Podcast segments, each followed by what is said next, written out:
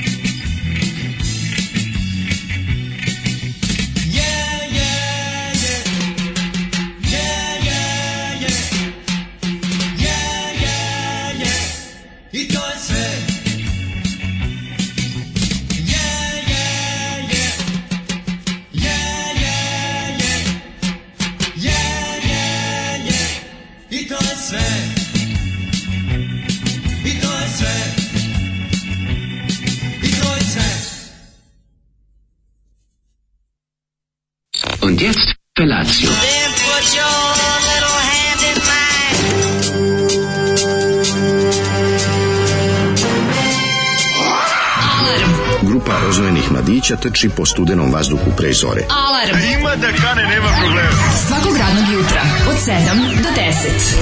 Hajde!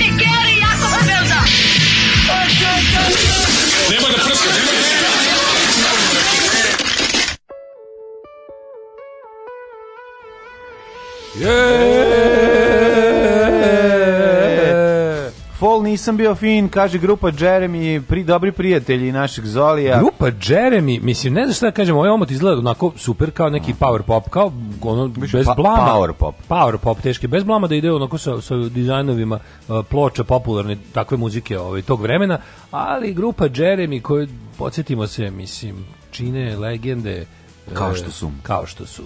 Džemal Novaković, Dževad Šerifović, Husko, Skalanić i Izo Kolečić. Jako me zanima šta je njima Jeremy. Ja, da, mene zanima šta oni misle da Jeremy znači, pošto im se ovaj kako se zove, jedna od pesama zove Sjećanje na Jeremy. Da, da, da, šta je, ko je Može Jeremy, Jeremy izraz neki za jebanje, ono koji mi ne znamo mm, iz, iz visokog. Mm, Dođi kod mene na Jeremy. Mm, ne, ne, ne. Sjećanje ne, na Jeremy, znaš kad smo Jeremy. Se, Jerem, ali nas dvojica na moru. Jeremy je garant nešto, nešto sa nekog filmskog plakata što su oni u visokom da, bioskopu gledali, da, kao da, klinci da, da, čitali. Da, da, gledali kao Jeremy. Jo, evo ga Jeremy. Evo ga, vidi koliko mu Jeremy. Nešto, he, a ti odmah vučeš na na, na seks. Kakav mada, Jeremy. Mada pesma ima toga, Aj, što štipu da, da. sam je stalno. Fall nisam bio fin, mislim. Ne, da. hitovi su, mislim, hitovi poput Moje žensko, ja kontam da je Sjećanje na Jeremy. Ja kontam da je ceo album tako ovi ovaj, lepršav. Mojoj simpatiji, oče moj, ne. oče, pa, oče moj pesmu. Si dobro. Pustiti. Realno si treba oče moj pustiti. Pa ne mogu ja pustiti šta Zoli, Zoli bira, šta će da pustiš, a sad ja da mu kažem, dobro, gari pusti oče moj. On kad stavi ploču na gramofon izađe, ti možda mentiš iglu da hoćeš. Pa sutra ćemo pustiti Jeremy oče moj. Oče mislim, moj, mislim, sigurno zato što će, očekujem da ima moment, sinoć mi je da. poginuo tata. Može biti, može da ima. Kako se neće zaveći? Ja imam tu ploču, mlađu. Ja da sam kupio da, tu da, ploču. To je... Od Zolija. Kako se zove? Pupoljak. Pupoljak, da, da. Ja sam kupio od Zolija tu ploču, čovječe, mm. jedno sad je moja.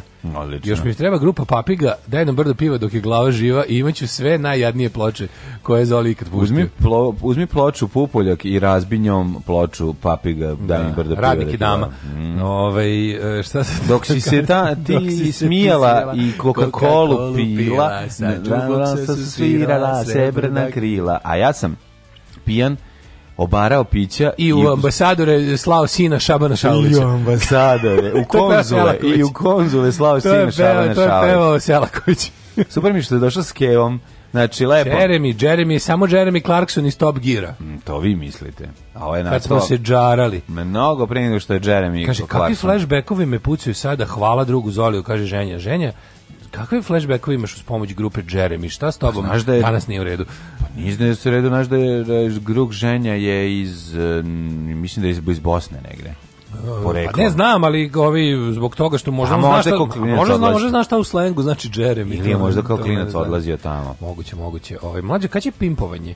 Pa i odmah čim vam ovaj čim vam, vrlo brzo čim dakle, sve epizode na YouTube i ostalo što sve običu. brzo što sam običao sve će se desiti da. ono da. vi ćete se iznenaditi kad se to dogodi da pa pimpovanje što stvarno izvuči da, da ne da ovaj kako se da ne pimpuješ pre letovanja Ja, ja ću to pimpovati videćete sve da ćeš kad imaš samo sutra radimo pa nema veze ako mi sutra radimo ja mogu da ja mogu napraviti sutra da snimak. da ispimpujem ja mogu u nedelju napraviti snimak i okačiti ne napraviš snimak nego dođeš ovde da, da, ja, te, ja te snimam a pa može, ja te snimam šta mogu ja zaboravio, ja sam zaboravio, ljudi, podsjetite me, šta smo se mi kladili? se zaboravio šta smo se mi kladili. Pa ne kao što ovi, ovi frikovi što Nešto slušaju pažljivo epizode. se šta smo se kladili, da će mlađe, mlađe sto puta da ispimpuju.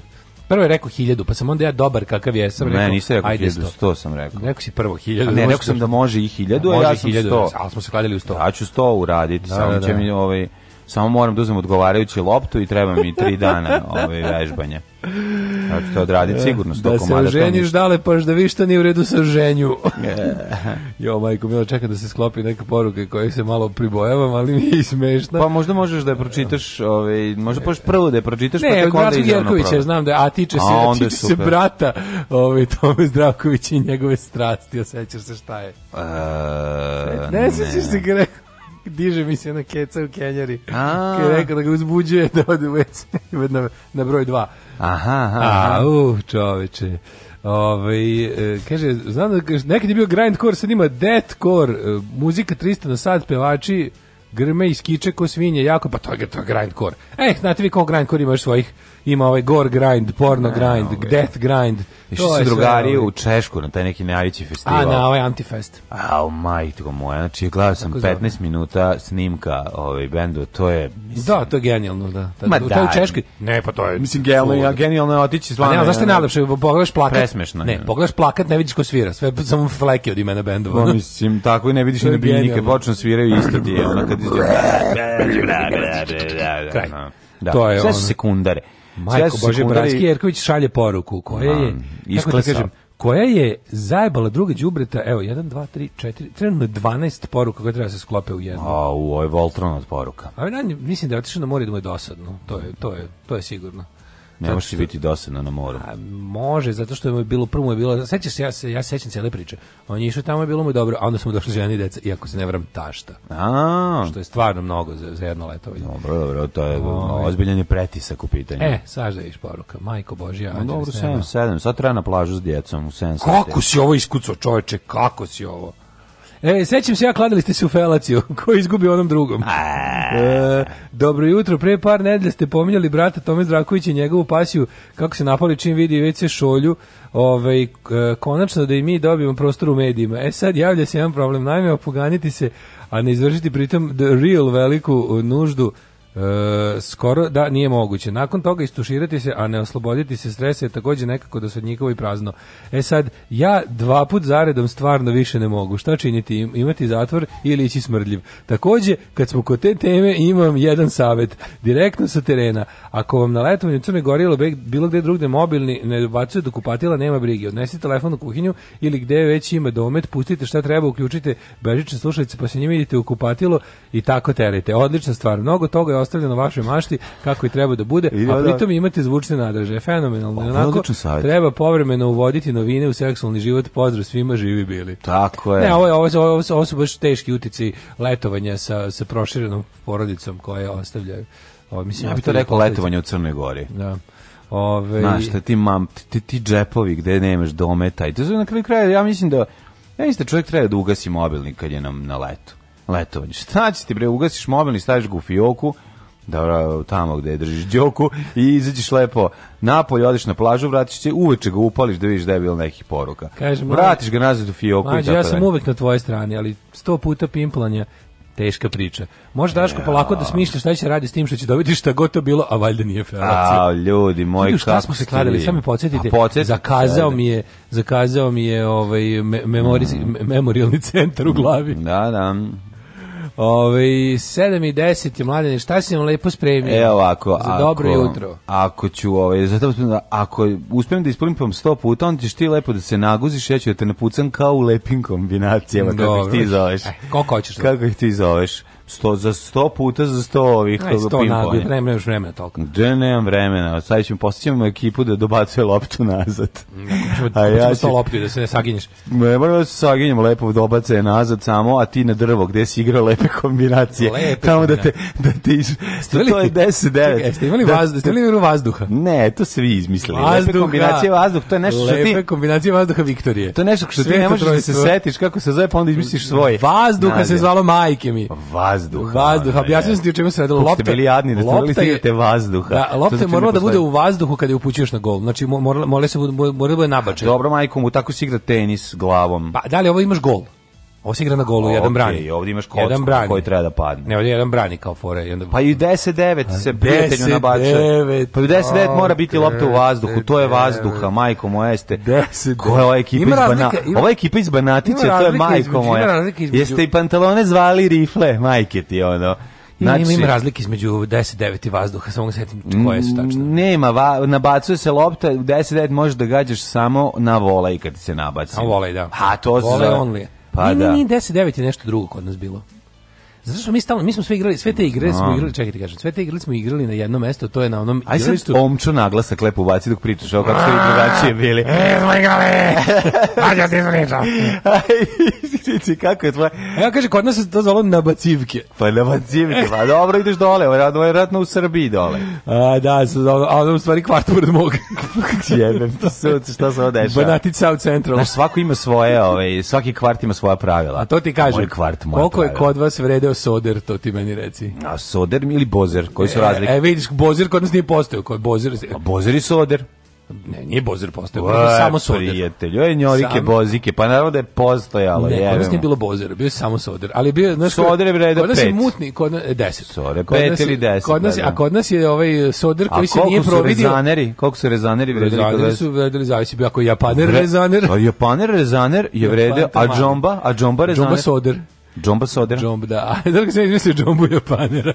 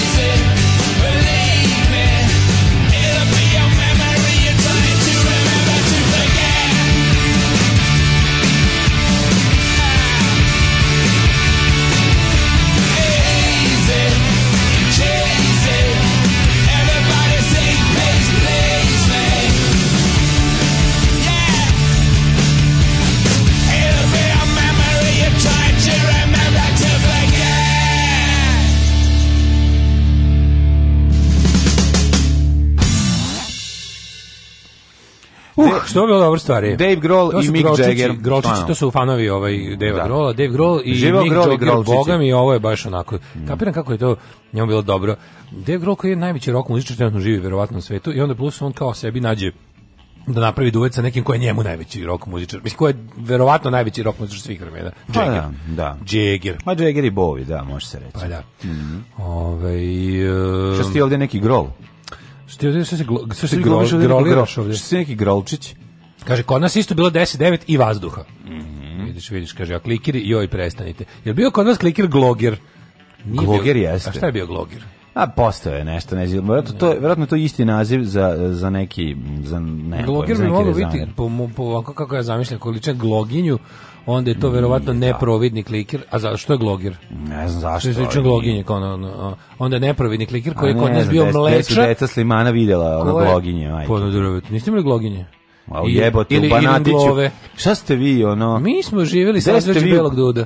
Mi smo imali, mi Niste smo imali stari glogu, ono, Mi smo pravili od blata ove pucanke. Au jebote, ono naš, ono čini se se vi igrali, ti živeo pa, ono ti živeo 30-ih, si vadio vode iz Dunava, ne znaš kofom da piješ. Mi bismo pravili topove od blata, pa, pa bismo znam. onda ovaj kako se zove od žandara bismo od kad od čika, kad, žandara skineš, kod žandara Sime bismo ukrali da. one njegove ove njegove brkove, pa bismo zamenili za slavile do jaja. Gurnemo u dupe prodavcu jaja i sladoleda i onda I doneseš jedno jaje. A žandari nas jure. Kuglu. Znaš da kugla jaja bila? Da, znam. Imaš lažno sećanje. Kao, a žandari da. nas tako i mi onda, ovaj, kako se zove, odavde pa sve do, sve do velikog bečkerečkog kanala tako izmišljaš ono šta se desilo. Mi se umažemo De, prašinom. Sinjar, leti, onako, leti, kad smo, leti kad smo onako znojavi, uskočimo onu finu, mekanu brašnavu prašinu, pa se namažemo njome i legnemo kao terminator a prolazi, te, kao prolazi, te hiljadu. Da. A prođe žandari i ne vide ne sami, onda ustanemo, izvodimo naše male Najviše piše smo voleli utorkom kažemo, kad dođe Pintar. Žandari, žandari, hoćete da probate malo durboka, a mlatimo našim malim pišama. Da. A onda žandari se okrenu, kažu, a stanite, vreme,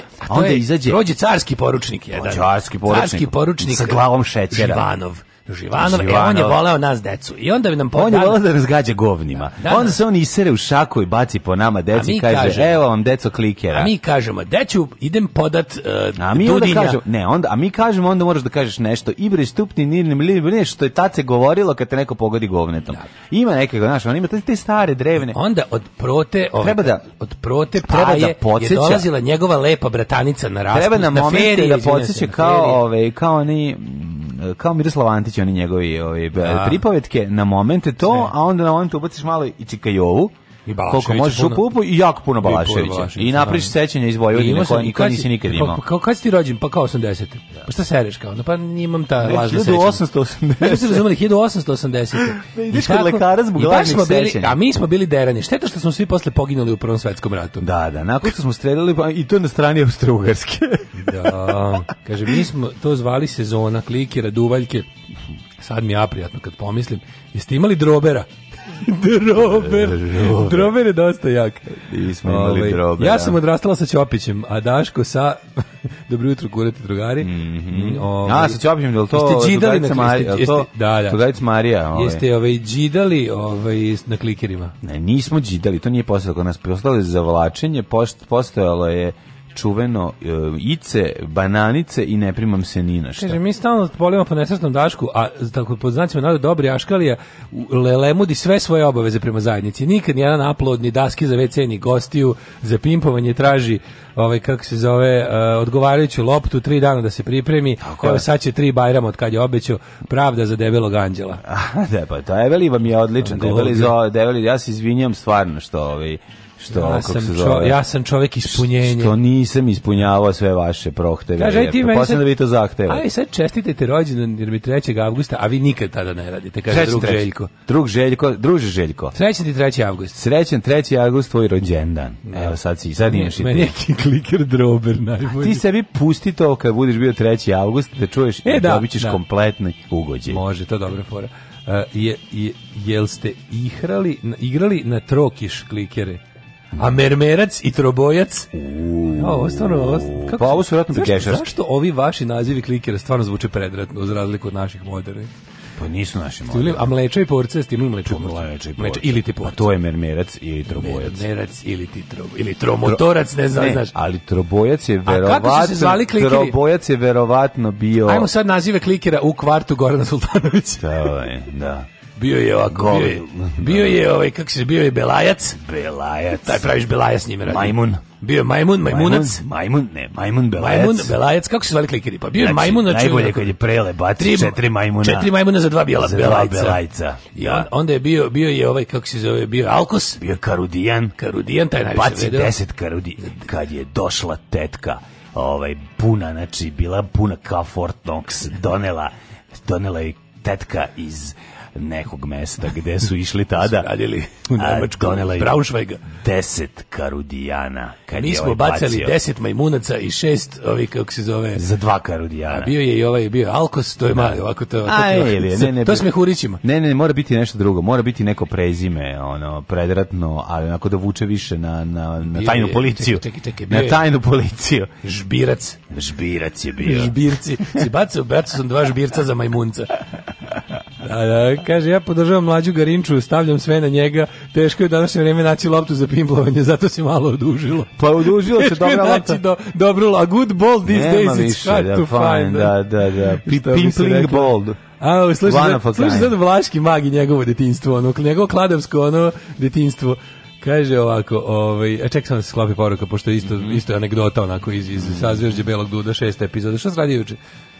Juče je bio dan u kome smo se sakrivali od najgore vrućine na svetu, u kojoj smo se, uh, kako je bilo. Ljudi, ali kad je onaj trenutak kad je krenula, kad je pala kiša, to što mi da kažem proko burazere kiše, izašao sam na terasu, uhvatio se za šljivu koju nemam, Ovaj, ali, sam, ali sam ovaj, evocirao uspomene iz tog, ovaj, iz tog džingla Prokobu razre kiše sa pokojne B92-ke. E, znači, gledam tu debelu kišu kako pada i kaže mi, hvala gospodu đavolu kome god A ja ne treba da se zahvalim. Ja nesretnik to propustio bio na hopu. A jo, znaš kako je padala? Pa padala, je, ona debela, pa, padala je debela letnja kiša. Ono što na moment imaš utisak da, da ti ne, da izađeš napolje, da trčiš 5 metara, ima bi, ima bi ono utisak da neko bacio kofu vode na tebe. Da, da, da, tako, da, zid, zid od kiša. Da, zid, kad iziš napolje, ono da... da. Jo, lepo, rekao, hvala Darwinu, hvala kome god treba da se zahvalim.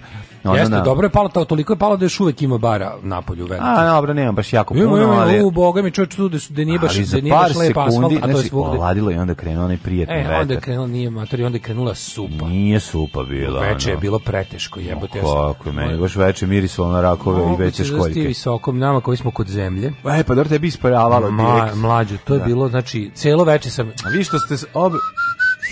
Vi što su obe noge na zemlji. E. Čekam e. da mi dođe japanski pukovnik da me tera gladi e, ja ću ti kažem, tako ti u Njujorku svaki dan, prijatelji moji, od vlage. Znači, tako ti kažem, bolje nemoj ići. Bolje nemoj pustiti da ti ja pričam kako je bilo, a ti ostani ovde. Znači, Jer vlažnost ja tuđeg eh, podnevlja nećete ovlažiti, ovlažiti kao što da- ćete ovlažiti ovakav. Ja više celo, celo jebote veče zviždim, taj moz, zamislim kako spavam pod nekim baldahinom u, u nekom ono, u, u, u predgrađu Ranguna, jer gde se oporavljam od žute groznice, jer sam ono, nemam pojma, nisam pazio kada sam posle lošeg viskija u, u delti Mekonga spavao sa šest ovaj, da, Muškarac. maloletnih lady bojeva. Znači, katastrofa, pesma od Pogue se mi ide u glavi neka i zviždim taj ovaj da, I mislim sad će da dođe ono pukovnik sa i kako zove sa itel kako već da me tera da da da kaže most mora biti gotov do sutra uveče a ja još nisam ni da. on, da. ni drvo oborio. I da te ubaci onu onu krletku da sediš da, a ja vode. još ni drvo nisam oborio. Tako da je bilo tako. Ne znam, ja bi više razmišljao o tome da posle... da će John da će James Braddock ili John Rambo doći da, da me spasi. A to su različiti ja, ratovi, izvinite. Nema veze, radi se istom podnilju gde je jako velika vlaga. Tako da o tome je, Da, da sam ležao onako plastificiran, ja sam bio u super sa kad je krenuo da duva, sam mm. sve raspečio, pogasio sve, otišao istuširao se i legao onako gol i rekao sam sebi ljudi to. sad kad budu prolaznici prolazili i gledali tvoje mlado nago telo i željeli. Pa, pa znam ja bi ti volao da ljudi gledaju. Idite ljudi, što ne radite uveče da gledate golog daška? A ne možeš ništa uveče da vidiš, to mora tako, tako zoru se ukazujem. Što ne možeš pa, iz, eto, iz znači, mraka znači, u mrak ništa. Kad da idete na posao, svratite, ujutro, prođite, da svratite da vidite, da vidite mošne narodnog heroja Daška Milinovića. Kako Milinoviću upali klimu i prestani da kukaš. Vidi, Sram vas bilo. Nije došla danas da dolazi. Od sutra više nećete ovaj fazon moći da bacate. Da, jer ću ja stvarno, stvarno upaliti klimu. Danas dolazi klima Daška Milinovića. Da, ja sam juče, znaš koji sam bednik, juče sam zvao da pitaš. Da, da će ipak doći. O Bože, kako mi je bilo žao. Šta su rekli? Pa da. Pošalje adresu, želim da mi se SMS. Kako to bilo dobro. To mi toliko bilo, ovaj, kako, kako Dobar da dan je bilo građati klime. Pošalje i, i adresu i napiši, napiši ugradnja. Mislim da sam svaki, svaki dan sam zvao, ja mislim. Ovaj. Na da. Uh, kaže ovako, nema ništa u Yorka dok ne počne ponovno da daju turistički vize, jeste. Tamo nemamo vremena da ti skup, sakupimo kintu da oceneš u Waldorf Astori koju sada drže Kinezi. Tom. E, jednom sam uh, jednom sam pobedila atomskog i osvojila njegov kliker. Atomski mrav je komšija, prva kuća do nas, koji je bio sitniji od svih nas, pa ga je naš čale prodao atomski mrav. No, srce. Vi realno da biste mogli ni luftbalon sto puta da ispimpujete. Danas djeca klikira da je tebra, sombrda, srpstvo, car Dušan i Kalabić. Kako je Aca Lukas igra? Ide gas, da ide gas. Da. Lajne, da, gaser, imamo gasera, ide gas, imamo gas, ide gas, ide gas. Klakir, buger i piker, Znaš, čuveni. Ide gas, gari. Klakir, buger i piker. Mm. Drobera sam izmislio da vidim da li će mlađe da kaže, mi imali smo naravno. E, ja ću da e, izmislio. E, da kaže, bio je naftaš, reći. bio je naftaš, tako je, naftaš je e, kao ulje na asfaltu, a naftaš je zapravo bio podvrsta sodera. Soder, on, odnosno da, bozer. Sa tim pre, uljenim prelivom. Da, da, da, da odnosno da, da, bozer. Bez bege, bez džihe, to znači nema bežanja od rupe i nema zamaha rukom u napred kako bi se približio. Mm. E, da, Mi da, smo da, to da, zvali zavlačenje. Nema zavlačenja. Oj, ovaj, pazite kad vozite iza kamiona danas Daško stiže klima. Mm -hmm. Sutra ti pališ klimu, a napolju najavili kišu. Znam, naravno, mislim, već sam, već sam ja rekao ću vam pomoći da, da će već u četvrtak biti mnogo prijatnije, jer ja nabavljam klimu. Ove, ovaj, danas je veliki dan, danas mm, ulazimo danas je klimov, u klim, klimov dan. Klima, da. ti danas je klimaks da. danas. Ulazimo u klimaks, u, klima, Daško, u klimaterijum. Daško je konačno ulazi u klimaks. Ulazimo u klimaterijum. Znojiš, kaži mi, mislim, do samog trenutka dok ne dođe to. Vidi, radi se da, da si po crvene ulicu. Radi, mi, radi se o tome da ću da večeras da upalim klimu i da ležim ispod dok mi jaja skroz ne budu onako kao bilijar kugla. Aj, hvala Bogu. Šta je šljunkare? Gdje ste to krenule? Šta je? Šta hoćete od nas? Bil volila da znaš? A, Fuksu, šta ti gledaš, jel? Alarm sa mlađom i Daškom.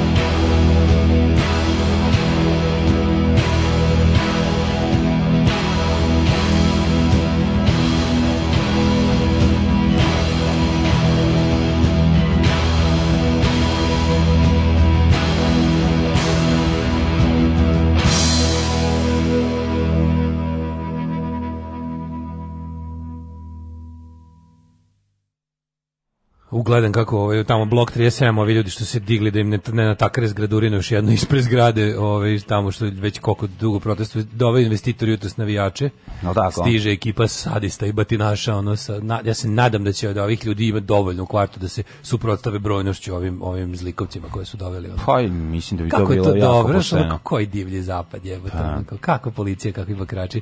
Što je to jako interesantno, što kao, znaš, znaš ti ko je to glupost? Pa to su oni što su pa, ovaj, sedeli na Vučićim mitinzima na klupi sa spuštenim glavama, sa kapama. E, SNS navijači. Pa, da, oni, da. se zove, što, što obezbeđenje su, splavova i... Ka, to su navijači za iznimljivanje, ono, šta, kad god ti da, treba. Da, to je baš ova ekipa pa, da. koja, kao, koja radi obezbeđenje. Znaš, da, navijači da, se da. dele na dilere i na obezbeđenje. Da, ono, da. Ove, ali je, ove je doveo sad kao stiže viš da dajem ovaj jutros dolaze ovim deli kao fluorescentne prsluke da se razlikuju kad budu tukli jebi ga ljudi Da.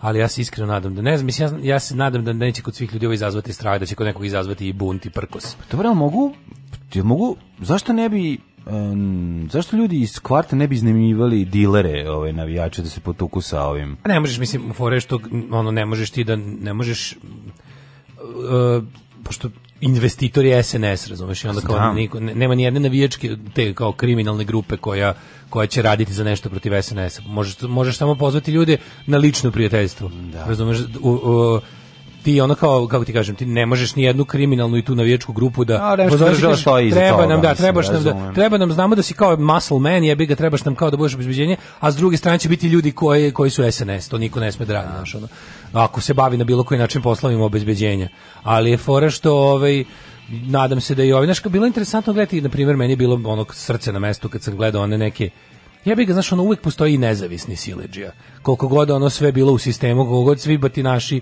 i svi sve siledžije bile kooptirane u SNS, uvek ima i neki koji ono ono independent. To se videlo najbolje kod onih kad su, kad su vodili navijače po krovovima da pale baklje da puštaju džila se lopove za vreme ove ovaj, vanrednog stanja, sećaš se.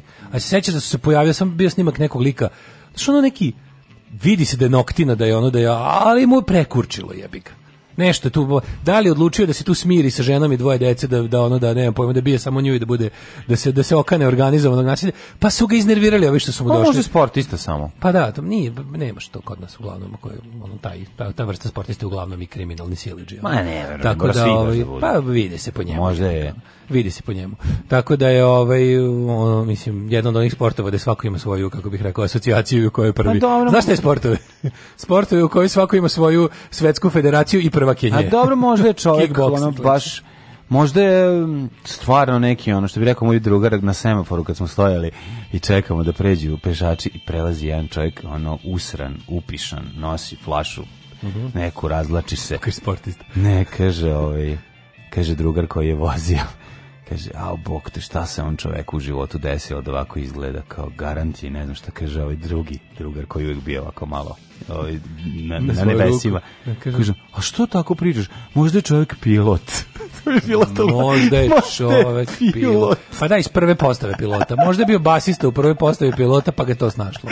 a to je. Možda je pilot. Ovaj. Mada ja znam jednog pilota koji ako voli da se usere od alkohola ovaj, i da na kraju završi da pegla na klupi, da, da uradi uzemljenje. Da, a recimo da čovjek da je profesionalni pilot Kaže, Pozdrav ja, ja izbegavam klime ili ih podesim na 30 stepeni, a ponesem duks tamo gde šure, na primjer u bank, banci leti. Ju kako neka to to to, to tako. Dobro, da je da neko podjevala. Tako i treba. Nemojte to. Ne znate. Klimaks ti je kada postane klimav. Ne. Nego su to nazvali klimaks da zvuči otmeno. Kao kad student umjesto pao sam godinu kaže obnovio sam godinu da ne ispadne glupi lenj. Mhm. -hmm. Ove, ovaj, čuveni klikerski izrazi iz Bečeja. E, Gušike, vanika, gambe, igramo, igramo gušike. Klikeri vanika, gambe ne propuštaju, vijamo se do kraja života, nema iz viske. U, nema to kao, iz viske, to nemaš da podigneš da gađaš. Da, da, da nema iz visine. Da li smo sigurni da smo spremni za konačno naspavnog daška sutra jutru? Mm. Ove, ovaj, uh, pa onda ovako. Bio sam sa dvoje dece i dve babe na moru. A u čoveč. Ovaj nije to, to kaže Jerković. Nije loš, imaš dve babe, onda imaš i vremena, možda čitaš knjigu. Dvije se babe obabile. Možeš četiri lađe od plovila, đed ostao kod kuće gaćama, čape, četiri ore pod zubima. Kako strane. se kod vas zvale klikir discipline? Kod nas u, u se igralo BG nove. Kod nas se igralo u šalu i u zulju. Kad je šala onda nikom ništa, kad je zulja onda pobednik nosi klikir. Aha, tako nešto bilo na godine.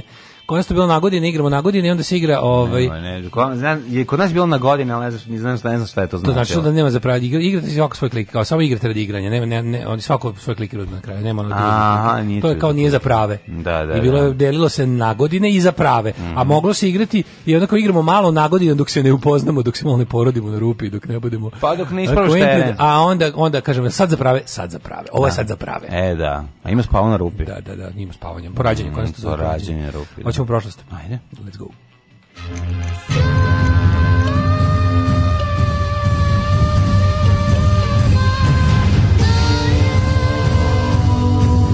Dogodilo se na današnji dan. 15. juli, 196. dan godine, do kraja godine imamo 169 dana, imamo taj zanimljiv ovaj, momentum vremenski, momentum. da je 196 ovaj, po gregorijanskom kalendaru, a do kraja godine ima 169. Uh, da li to nešto znači ovaj, naravno, numerolozima? Da li numerolog u tebi da... 196, 169, mm. marketing telefon. I što sam ja pevao market pink telefon. Market Jer je bilo na, na pinku. A se volao kad krene... Čuveni kofer. Čuveni, da. I sa Bilijom Ajdelom. da, da. da. da. Da- znaš da dobili Idol dobio svaki dan 10 da. dinara. Ne, nije dobio po pa jedan čvor na sintilanom tepiku i onda kad je došao da ga končno pokupi na gitarijadi, kaže, evo ti je za sve one godine koje smo ručno taftovali i čvorovali tvoj i Tison. Da, da, da. da. bili Idol. Bugarska dobije zbog bugarskih CD-ova kompilacije bili ah, Idola bez topa. Kad smo kod bugarske, kakav vam danas četvrtak spremam, pogin, poginit ćete. A tebe ne, poginit ćete. Ove, ovaj, e, šta si te, si te možda mi pitati s novu godinu? Ja sam želeo, ali ti... U zlatne pijasce. Ne, u zlatne pijasce ideš u Bulgariju. U Bulgarija. Mm -hmm. e, hiljadu... da probaš golemu karinu. Naravno, 1099. Mm -hmm. počinje moja historija. Što u Bugarskom znači velika vekna. 1099. počinje mm, historija. Da nije možda prvi krstaški rak, yes, i does. opsada Jerusalima. Of course it is yes. Izvolite kolega, prvo pitanje. Možete i preko reda. Evo, evo ovako, mm. krstaši su osvojili i razorili Jerusalim, a Hadrian je obnovio grad, e, pretvorio ga je u vojnu kol, kol, kolon, koloniju, e, mm -hmm. Došlo, čitaš, ne vidiš dobro kao. Mm A posle rimskog razmatra, razma, razaranja, 7.10. E, 10 godine.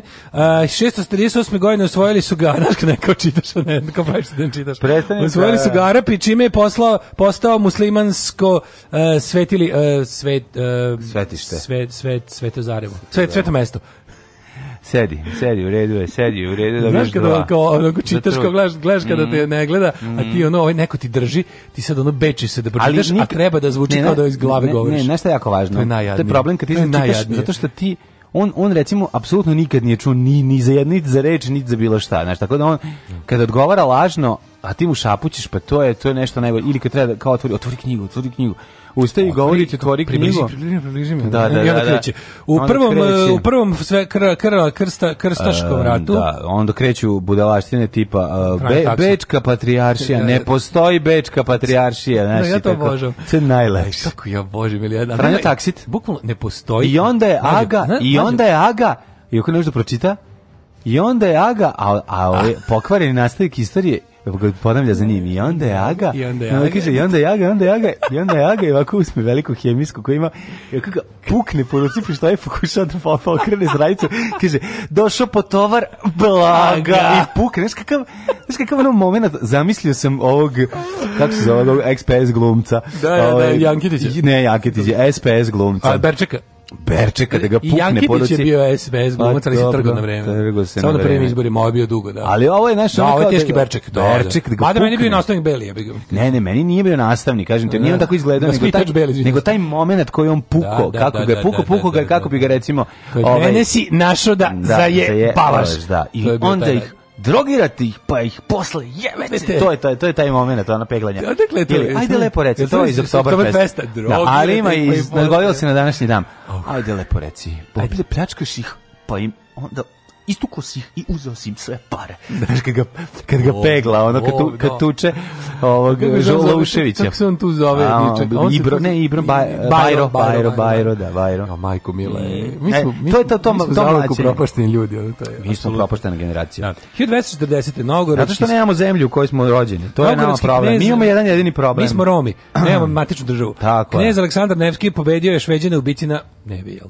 Uh, 1399. Mm -hmm. prvo pisano spominjanje. To je bilo 1240. Ovo jako dobro, prvo pisano spominjanje Jagodine, grada u centralnoj Srbiji izveštaju knjeginje Milice Dubrovačkoj opštini. Mm -hmm. su znači, knjeginja nešto... Milice koja piše kao, ljudi moji, ne, ne, ona piše mesto. šta može da nabavi, da, ludilo, Dođite da. ovdje, Evo, baš klinke. su bili, baš su bili motoraši da, iz dođite, ono, imamo klinke za malo para, razbijaju se od da. prvih da. drogiramo, pa ih, nije bitno. Da, samo dođite. 1410. Poljsko-litvanski kralj Vladislav II. Jagela pobijedio je Teftonski red u bici kod Grinvalda. Šta se decilo u bici kod Grinvalda? to je Tannenberg, je tako? Čuveni. Ovaj bitka kod Tannenberga odigrala se 15. bila 1410. Između Poljskog kraljevstva, Velikog vojstva Litvanije i njihovih saveznika, sedam strane vitezova Teutonaca. Zemlja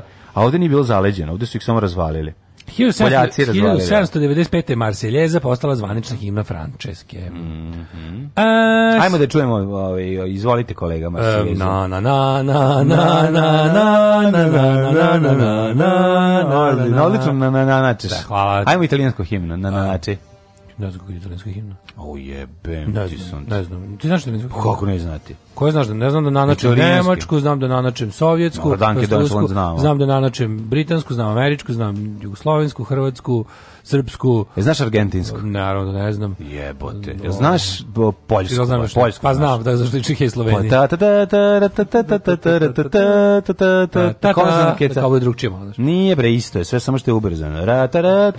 Pa dobro, to je pan slovenska himna, šta će? Jeste, jeste. Ostalo je, ostalo je meni Poljska. Ja kad čujem poljsku himnu, gledao, usporim. Jesi gledao film Sloveni kao i mi. Ove, 1813. Ne, 1899. krivena kam, ploča iz rozete. Ne, Jean-François Champollion je dešifrirao hieroglifike. Ovo je zanimljivu priču o tome kako on dešifrovao. Ne, i neću vam to govoriti, zato što vi ne želite što čujete jako zanimljive stvari koje su jako važne. Žele, žele, ne 26. put. Pa, naravno da žele. Treba, hoćete da ih čuješ 600 milijuna puta, ovo je jedna od najvažnijih stvari u, u, u, u modernoj istoriji. Modernoj da nije istoriji. ovoga bilo, ne bi znao ništa ništa vezano za Stvari, meni se toliko spava da bi mogu ti to ponovno da ispričam, pa ja a ja pošto sam slučaj, ću da odredim. Ja neću da pričam, nego ja samo kažem, ovaj, pročitajte malo o životu Šampoliona i vidite koji on, šta je on uspeo da uradi i zbog čega je to jako važno. Jer mi recimo ne bi znali ko je a, Kleopatra krunisana kraljica među prorocima. Misli bi da to Duško Ilić da O, misli bi da Duško Ilić Dušica, a zahvaljujući Šampolionu koji je dešifrovao svaka mu čast. Ovaj. 1830. Neću vam govoriti da su bila tri pismana na, na, na, i neću vam govoriti da je jedno njih bilo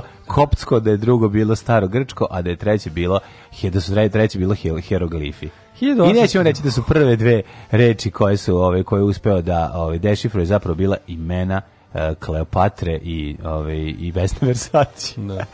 Proročice zašto? Zato što su bile po, zato što su bile podvučene. Gde je Vesna Jesu umrle u toku izgradnje. Gde je Vesna Versace to? Vesna Versace pa nemam pojma. Gde je? Ja da gde je Ivana Olujić Oluja? To sam video, samo ne SNS neki kurac snimala neku vladačku pesmu, ali Vesna Versace je stvarno Gone with the Wind. Mm -hmm. 1813. Vidite Zorka i dalje u zatvoru. Nije. Počela velika turska ofanziva na svim frontovima. Sa zapada nadirao bosanski vezir. 100.000 mhm. vojnika turska vojska slomila otpor Srba na Moravi, Drini i Timoku. Jače, za, ovo je zapravo bio pa, slom ustanka, koji je izazvan zapravo ovaj, e, bitkom velikih sila. izazvan time što on Srbija nije ipak mogla da se suprotstavi milion puta jačoj vojnoj sili. Pa nije to zbog toga bilo. Pa. Da, zbog toga bilo zato što je ovaj, zašto Rusija morala da vodi bitku sa Napoleonom. Što Rusija morala da pa boli, baš u tom trenutku su ostali jak bol u predelu prepada pa za Srbiju. i dobro, nisu se poklapali interesi. 1834. Da. Španska inkvizicija zvanično raspuštena nakon 356 godina terora. Terora, majko. Bog. To do, hil, A, do, da. već hil, do, do 1833 su mogli da te streljaju. E, i posljednja, Poslednja Preš... osoba spaljena na lomači, valjda u Portugal i Španiji, je bila početkom 19. veka. No, katastrofa. 1869. Ipolit Mež Moris patentirao margarin. Mm -hmm. 1869. patentiran margarin, to je 19. vekovna. Kako ne, pa zato ima taj ukus odvratni. Jebote, Mada nekad mi pa- margarin je ono biljno, nekad mi biljno mast, ono na to, na, da. to ono ne može da se pokvari. Margarin, margarin uh, mi prija u nekim nikad kombinacijama. Mi Ima vrlo retko. Moram reći da je vrlo retko, ali ajde. Nikad. To je baš teška zamena za kad nemaš bolest. Jeste, put, nemaš zamena za puter jebi ga. 1800, oni bukvalno napravili da bi se sprečila masovna glad ovaj, siromašnih slojeva gradskog stavništva. 1880 piše da je zato. Zato? Kaže, pokušano se, to je država uložila. Mm, bravo, u 1881. austrijski car Franjo Josip I potpisuje... Mada rama margarin sa onim mlečnim dodacima može da prevari O ujedinjenju vojne krajine s kraljevinom Hrvatskom. Mm -hmm. 1916. osnova kompanija Boeing. Jedna od mhm. najvećih kompanija za proizvodnju, a vazduhoplovnom svetu. Jel ona i dalje radi, živi? Mislim da ne. Apsolutno, Boeing postoji naravno. Postoji, jel? Da. Proizvodi avione. Naravno, 1918. snage Osovine pokrenule opštu ofanzivu pod komandom nemačkog generala Eriha von Ludendorfa. Mm, jako je uh, važno samo biti ubeđen u to što pričaš i svi ti poveruju. U šta, na primjer? Pa u nešto, što god ja te pitam, ti, ali nisam pa, siguran. Boeing postoji, jebote, Boeing, znam, da Boeing da, Airbus, ono najveći proizvođači aviona putničkih na svetu. Znam da Airbus postoji, pošto pa. sam vidio da proizvodi, ja ne znam šta je poslednje što je izašlo iz Boeingove ovaj pa, oni prodavnici. Znači, se, Boeing 707 recimo. E to je novi, jel? Ovaj e, time je počela druga bitka na Marni u Prvom svetskom ratu i posle pokušaj centralnih sila da nadvladaju snage Antante na zapadnom frontu. 1920. Mm, Odlukom privremenog narodnog predstavništva ime državine Kraljevina SHS je promijenjeno u Kraljevina Jugoslavija. Srba, Hrvata i Slovenaca. Tako da ove, ovaj, Jugoslavija. Do tog datuma nazv, zvanično naziv bio Kraljevina Srba, Hrvata i Slovenaca. 26. je prvo javno slušanje. Kraljevina Jugoslavija je od 29. ja mislim. Je A kako se, u šta je promenjala ime? U... A... E, s, ajde se promenjala šta? A, pa zvala se prvo kraljevina SHS, a onda se promenili u kraljevinu Srb, Srbo, Hrvata i Slovenaca. Tako piše pa, ovde. Pa to, to nije tako, to lupetanje. Pa može bi SHS je značilo Srba, Hrvati i Slovenac. Da, ali mislim Kraljevina Jugoslavija kasnije. Pravno, Kraljevina Jugoslavija je od 25, ili tako nešto? Pa ne znam, kasnije. Uh, 1937. je pušten saobraćaj kanal Moskva-Volga. Mm -hmm. 128 km, dubok 5,5 metara, širok 85 metara, time je regulisana reka, Moskva je postala luka povezana sa pet mora. Kako to dobro, čoveče. 41. prvi put upotrebljenje Kaćuše, koje su da. Nemci nazvali Staljinove orgulje. Mm -hmm. Plotonsko raketno oružje upotrebljeno u bici kod Orše u drugom svetskom ratu. Ovi, kad je krenulo nisu znali šta ih znaš. Šta je ovaj? Znači, su, to je to je višecevni pa, raketni bacač na Dakar na kamion. Ne, ja znam šta je to, I, nego me zanima ovaj koliko je precizno. on zapravo nije mnogo precizno. Nije mnogo precizno, ono, ono služi na ono služi za tepih. Te, to je da, to je za za peglanje, ono na, na, da. na angro, ono što se kaže. Da, da, da. da. Kad to krenulo, kaže čovjek mi prvo to taj zvuk pre nego što krene da pre nego što čuješ eksploziju tih projektila, to kako one poleću Zvuk zvučalo je kao to je odšteta za štuke, za zvuk, za zvuk za sirenu. Oni su to je kad si malo dalje i kad ne rukaju baš po tebi, a čuješ ih u daljini, to je kao kaže kao da slušaš određene tonove na orguljama. Isto taj kao pošto orgulje rade po sistemu da. vetra kroz cevi, da. vazduha kroz cevi. Mm. Tako da i ovaj kako se zove, ovo zvučalo isto tako. Kao čuješ prvo to lepo. Uu, i odjednom samo kreće rokenje. Ako čuješ granatu, nećete pogoditi. Prvi put, e, prvi put od ovaj, Prvog svjetskog rata su imali u Nemačkoj vojsci ponovo ono shell shock od ljudi koji su bili u, u zoni gruvanja kaćuša. Mm -hmm.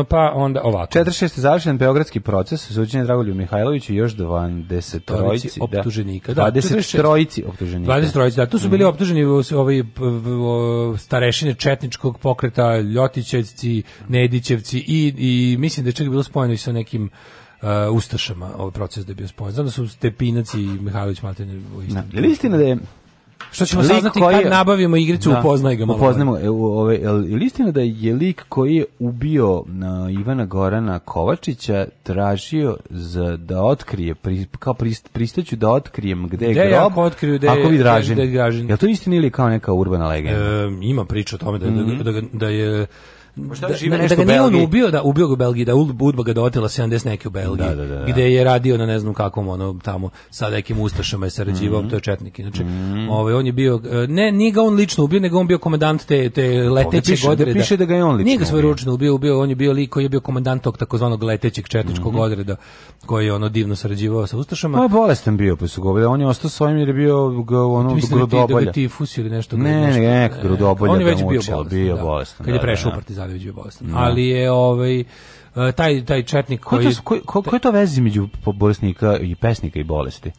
A jebem li ga, ne znam, valjda, valjda blues, valjda i blues. Nisu mogli na sport da idu, jebi ga. Ovi, ovi kršni momci su bili u, u FK radnički išli, a ovi su išli u, u PK u, u jektički. PK pa je pesnički klub, ako niste provalili. Ove, ovaj, e, 58. Da. Na zahtjev predsjednika Kamije Šamu na američke snage iskrcale se u Libanu.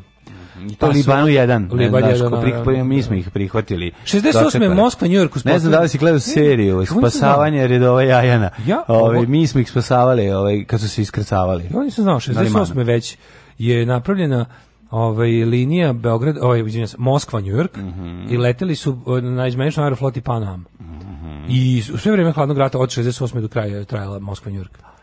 74. grupa grčkih oficira u Kiparskoj nacionalnoj gardi pristalica pripajanja Kipra Grčkoj izvršila vojni udar zbacivši s vlasti predsjednika i arhijepiskopa Makariosa. Mm -hmm. Vlasti preuzeo Sampson, bivši lider stranke EOK, a episkop Makar je privremeno napustio Kipar, EOK nacionalisti, imaš i sad.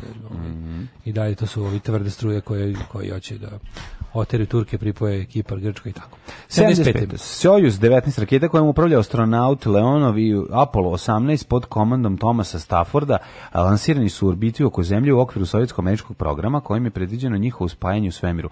Dva dana kasnije letele su se spojile u orbiti i posade su razmenile poklone i rukovale se. To je bila prva prava saradnja u svemiru. Kako ja, ja u to vreme nepomirljiva neprijatelja. Kako ja volim ove te priče o, o o te hladnoratovske priče o tome kako su Amerika i Rusija ipak nešto sarađivali. Da li da li da, da. je bilo tih kao ti neki otopljenje odnosa u, u, hladnom ratu, to su uvek, uvijek simpatične priče. No. 83. Jel ti znaš da se u Roki 19 bori protiv sina od Ivana Draga. Da, da, da. Znači, sin, sin od, sin Apollo, Apollo Krida, se bori protiv Jesi ti to znao? Ivana Dragusa. Jesi ti to e, znao? pa, mislim da sam čitao negde šta će da. biti plot, ono, nisam gledao, naravno. 83. Koji poslednji? Jermenski teroristi. koji zajedno? Poslednji je gleda da, petica, da. da ali nije Ne, gledao sam Rocky Balboa. To je dobro. Gledao sam, to je šesti. To je dobro. Tu e, kad on baš je onako Jermenski gembo. teroristi napali prostorije turske vazduhoplovne kompanije na pariskom aerodromu Orly, tom prilikom poginulo šest i ranjeno 46 ljudi. 90. osnovana demokratska stranka ovaj, Hrvata u Vojvodini. Mm -hmm. Da, DSHV. 92. je održan skup pod nazivom Žuta traka, čiji je cilj bio protest protiv diskriminacije i pretnje pripadnicima drugih etničkih grupa. Skup su organizovali nevladina organizacija Centar za antiratnu akciju i stranka Građanski savez Srbije, a neposredan povod za protest bilo je prisilno isiljavanje Hrvata iz da. Hrtkovaca. 95. akcijom vojske Lanke Šrilanke onkočana najveća ofanziva tamirskih pobunjenika od 1987. godine. Tokom te akcije poginulo 300 ljudi.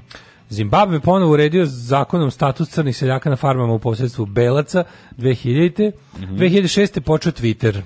2006. krenuo Twitter. 2006. počeo Twitter, da. Ja sam napravio na ovog Twitter. da prodat prvi tweet. Da, to, to mi, to, mi, to, je, to je u okviru onoga što smo pričali. Ono, kao to tako idiotizam, šta to znači? Kako smo rekli se zove to, to tri, ona skraćenica. On je digital nešto, treasure, onaj, znaš da smo pričali o da, tome, da, da. kao možda prodaš ono nešto kao, i, kao unikat što je digitalno. A ovaj, da, ja sam Twitter napravio 2012. Napravio, ja na, do zapada sam napravio 2000, 2009 2012. poživao je 8 godina, onda su ga crnogorski četnici u Vrletima kod e, Bijelog polja zaklali. Ovaj, ali From the Ashes of Zapad, Here Comes the Success. E, ovako. 2016. E, Matri, zašto ja nisam bio 2006. u Zadru na prvim hrvatskim svjetskim igrama? Šta je to bilo? Pa možda isti hrvatske svjetske igre.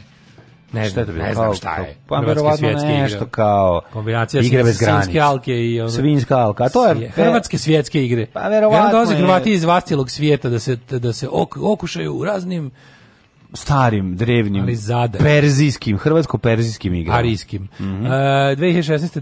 290 osoba poginulo, 1400 ranjeno u sukobima u Ankari i Istanbulu. Da, ako neko zna šta su hrvatske svjetske igre, sad nas jako zanima. Pa nešto čega se svi nerado sećaju i udarali su se po glavi da zaborave. Kao recimo mi... A, nešto za pranje para. Pa Mi recimo, ovaj, kad smo imali, i, čekaj, setim. Ma, Dunav, Drina, Dinava, Dunava, Dinara, tako šta nešto. Šta bi bilo ovaj ekvivalent tako tih? A, ne znam, neki. Se, se, se, treba napriti spisak svih tih... Znaš ti kao drevno. Da spektakularno najavljivanih stvari stvari koje će biti, a ovo je naša nova tradicija i samo se jednom održamo. Mm, a da. bilo je vala toga koliko hoćeš. A bude toga, milijon. Došao sam danas, sa vama bez da delim, kad zgraba ne možemo da delimo. Došao sam danas sa vama bez da delim, jer hleba nema. Sa Daškom i Mlađom.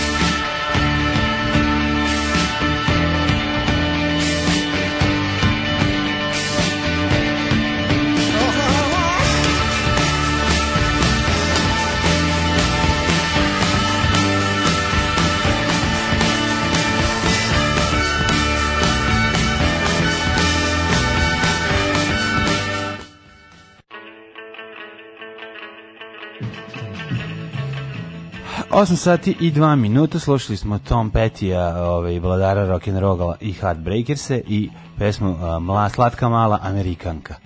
A, vrati se na Jadransko more, na vrati more. se do naše Crne Gore, vrati, vrati se, devojko, devojko, slatka mala Amerikanko pevao je yes. Tom Rosandić, peti vladar rock and rolla.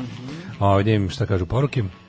Au. Uh, e, prenosim vest od 14.7. sa sajta SPCRS Mitropolit Nairobija Makar je posjetio 26. juna nove članove masajskih parohija koji su prihvatili pravoslavlje. Masaj su nomadski narod koji žive u oblastima Tanzanije i Kenije, koji je obuhvatio nacionalne parkove Serengeti, Masai Mara, Amboseli i Cavo. Jebeš mi sve, ovim stoji na sajtu sa sve slikom popa među crncima, ne pitajte me, Google me odveo na sajt SPC. Sve jasno, mislim. U, ima, ja, jako, ja volim jako da pratim egzotično pravoslavlje. Na primjer, ja stalno odlazim na sajt um, ove japanske pravoslavne crkve. Mm -hmm kineske pravoslavne crkve. Ima jako interesantno ovaj, kako oni prave svoje ikone. To je kako ih upodobe tamo. To je, to je potpuno genijalno. Potpuno genijalno. Da, da ako isto kao i što Uskrs nije na isti dan svake godine, sledeća najgenijalnija stvar mi je kako ovaj, ljudi Isusa i svece prikazuju onako kako ljudi izgledaju u njihovom kraju. To je da. potpuno genijalno. Pa kako, znaš, ono, si ili bio crnac ili nije bio crnac, razumeš, ono. Osim ako nije prva trans crna osoba u istoriji. Čovek koji se osjećao kao različite rase, ono. Pa zatvor menja ljude. Moguće, da, da, da. Ovaj e, u Turskoj nema sugar daddy, tamo ima Tahan halva daddy. Mhm. ne, neka, neka devojka ima dobar nadimak na na Twitteru. E, nije sugar daddy, nego je lupiće se tipa glukoz babo. Da. Tako nešto, da. Margarin napravljen kao zamena za puter na insistiranje Napoleona jer nije imao dovoljno za vojsku.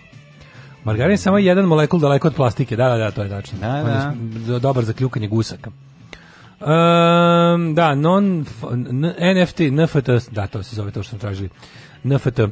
NFT jo, bravo, bravo, evo super ideje, propale tradicije. Kristalna prizma, filmska nagrada Filmskog centra Srbije. Sećaš pristalne krizme? Da, da, da, da Kristalna da. prizma dodeljena možda dva puta. Mm -hmm. Filmski centar Srbije dodeljivao kao našu NATO, godišnju. NATO nam je pogodio fabriku prizmi i da. fabriku kristala. Fabrika Prizma je samo uveznik, uve, koliko ja znam, uvoznik ma, japanske firme Omron. Da, da. I Prizma Kragujevac, prizioneri, dovoljan je samo jedan ček od vaše penzije da biste glas, dobili neophodni. Ti imitiraš glas Nići Orlovića, ali ne sada je zaštitni znak Makar. Oliver Makar. Da. da, a Prizma uvozni, uvozi Omron. A ovo je bila potpuno nezavisna, a. kristalna Prizma, koja je čak i lepo izgledala ta, kao ta nagrada koja se dobijala. Ama je potrela jednu, dve godine. Mm, kažem ti, ne I sećam se, mislim, sulude ideje da u zemlji u kojoj ljudi nemaju šta da jedu, da kinematografija se svodi na dva do tri filma, što je zapravo kad malo bolje pogledaš jebote više se filmova snimalo u najgorim godinama sankcija nego što snimljeno 2019. A dobro ima i Robert Čoven tih momenta, te, te nagrade godišnje. Pa, Želj, pa Željko da. Mitrović ima svaki dan. I meni je super i Music Award Ceremony, da. Da, muzička da, nagrada koja se zove muzička nagrada. Da, da, da, dugo se razmišljali. Ali dobili smo na, kao, a koja je to nagrada? Pa to je nagrada koja se dobije na ceremoniji. A koja je to ceremonija? Pa muzički nagrada. Ne, najbolje kad te zovu da dođeš da dobiješ nagradu, a ti kažeš pa dobro, ne, ne, ti kažeš pa dobro, ali možete da mi postavite, a ne, ne, dobio samo ko dođe. Da, da, to je najbolje. Te je prvo dobio samo ko dođe, A ovaj onda je ovaj ne, da li je to bio, da li je to Barba čuveni uradio ili neko od ekipe nakon što je shvatio da su svi dobili nagradu koji su došli, da je ovaj onda ubacio u, kan, u kantu za smeće svoju nagradu. Bio tako neki skandal koji, mislim, prošao neprimećen. Pošto, A, kaže, pošto i nagrada himne Poljske i Jugoslavije su jako slične skoro iste, osim što uopšte nisu. Prvo je Dombrovski Mazurka 1797. kao podrška poljskim legijima koje su ratovali za Napoleona. Hej Sloveni je nastala 1834. zapravo se zvalo u originalu Hej Slovaci, tempo je drugačiji, pa Hej Sloveni brža i nema toliko ponavljajućih refrena. Hej Slovani. Uh, je digitalni proizvodi NFT, non-fungible tokens. Probajte da e. otpevate ovaj, Hej Sloveniji na melodiju poljskih himne i vidjet da se apsolutno uklapa. Tako da, da, tako da samo malo na keca. Slušaj, legendarna jama Maljevina kod Foče. Po internetu, a i među ljudima, tamo je 45. ubijeno 20.000 mladih šetnika. Jo, majko mila. Kaže, Ovaj kaže oni su se predali partizanima, a na drugom delu interneta piše da to radila Hanđar divizija. Ljudi, Hanđar divizija je bilo golom bulja od borilačke formate. Znači, borbeno borbena vrednost Hanđar divizije bila uglavnom sranje, jer to iz razliku od ostalih SED divizija je bila sastavljena od raznih ono likova sumnjive motivacije da se bave bilo Jedina gora SS divizije je bila albanska Skenderbeg koja je pri prvoj ono što kaže primjeni, prvom deploymentu se odmah raspala jer je liko isključivo zanimalo da da, da, da pljačkaju da kradu stoku. To je ali Hanđeliz je duže potrela, naravno imala je nešto bolje bila od, od, od te albanske, ali u principu jedna onako vidiš i u ovim, plus je to jedina ovaj, kako se zove SS formacija koja je imala vojnu pobunu u kojoj je stradalo od bogami ozbiljan ozbiljan broj ovaj, nemačkih oficira. Tako da je ovaj, mogućnost da je Hanđar divizija ubila 20.000 bilo čega je dosta tanka, osim možda civila vezanih. Ovaj, um, kaže, mislim, te priče o, ne znam, o, o, o ne znam kakvom ovaj, E, stratištima četnika. Ljudi, za četnike je gotovo do kra, samog kraja rata važila ova amnestija, kao i za domobrane. 20.000 četnika u jami. Ljudi, zamislite 20.000 četnika u jami. Ta jama je morala da biti duboka do centra zemlje, ono, da ne bi nijedan četnik vidio iz nje. Ono. Mislim, da. strava. Ovaj kaže, a na, na sajtu Srpske pravoslavne crkve piše kako su to uradili zajedno partizani i Handžar divizije. Da, da, da. to laganje, molim te nešto. Da. Kaže, ovaj, e, kaže, zna, znali se šta je istina, da li uopšte je bilo nekog pokolja, jer sve izgleda se zasniva na pričom i dede. Pa pričom i dede je glavna, glavni ugaoni kamen četničke istorije. Pričom i dede je mm, ujedno i historiografija i, i ovaj, kako se zove, i metodologija. A, to je deo re, re, re, revizije kao pokreta u nas. Revizije istorije. Mm, a, kaže, to da je za vrijeme sankcija snimano više filmova nije tačno. Sad se snima mnogo više umetničkih filmova, koji najčešće niko domaće publike ne vidi, jer svoj život počnu i završe na festivalima. No. Ovaj, pa mislim, jebeš to, kako ti kažem. Jebeš to, jebeš film koji nije za publiku, jebeš film koji snimaš, koji nemaš ni gde da prikažeš, ni kome da prikažeš, ni Ove, ne znači to da ali, da ti možda gledam, nemaš uslova da ja imam onu knjigu, imam onu odličnu knjigu Novi kadrovi. Da. Znaš ona knjiga da je, to je bukvalno bib, ono, nije da. Biblija, ali ono, registar svih filmova snimljenih od Lupiću, tipa 90. do recimo 2000 i ajde ne preteram 15 recimo mm -hmm. i vidiš stvarno jedan čudan ono pad između recimo 90 godina i i, i pogotovo druge dekade 21. veka. Ima stvarno manje filmova. Sad da, da li snimaju te neke male filmove koje nikom ne prikazuju. Ne znam, mislim, Misliš kod ja, nas ili u svetu? Pratim to, mislim. Misliš kod nas ili u svetu? U, mislim kod nas. Pa kod nas, pa dobro. Šta, mi, šta me briga, šta briga Hollywood da smo imali sankcije ili nismo? Ne, ne govorim ti da smo imali... Govorim ti ono, inače, koliko mislim, manjih filmova snima. Pa šta to znači, znaš, kao manje filmovi? Sad možeš, sad nikad lakše, nikad lakše snimiti film. Pa mislim. tačno, ali govorimo ipak o nekom filmu koji ima i produkciju i ono i videoskusku distribuciju i to, o tome pa, pričamo, dobro, filmovima, filmovima. Ne, sad ne znam, nekim umetničkim eksperimentima koje je neko zabeležio telefonom. Ove, ovaj, uh, Možeš ti sad telefonom snimiti dobar film, to više nije ovi, tako velik problem. Đorđe Balašić jednog dana dobio neku nagradu kao najbolji kompozitor, izašao na binu, uh, uzeo nagradu, spustio dolar, zahvalio se uz reči, ovo neko pogrešio, ja prošle godine ništa nisam komponovao. Ove, uh, E, nemojte i vi sa margarinjem molekul daleko od plastike. Ako ćemo tu logiku preneti, isto važi za svaku prirodnu masnoću.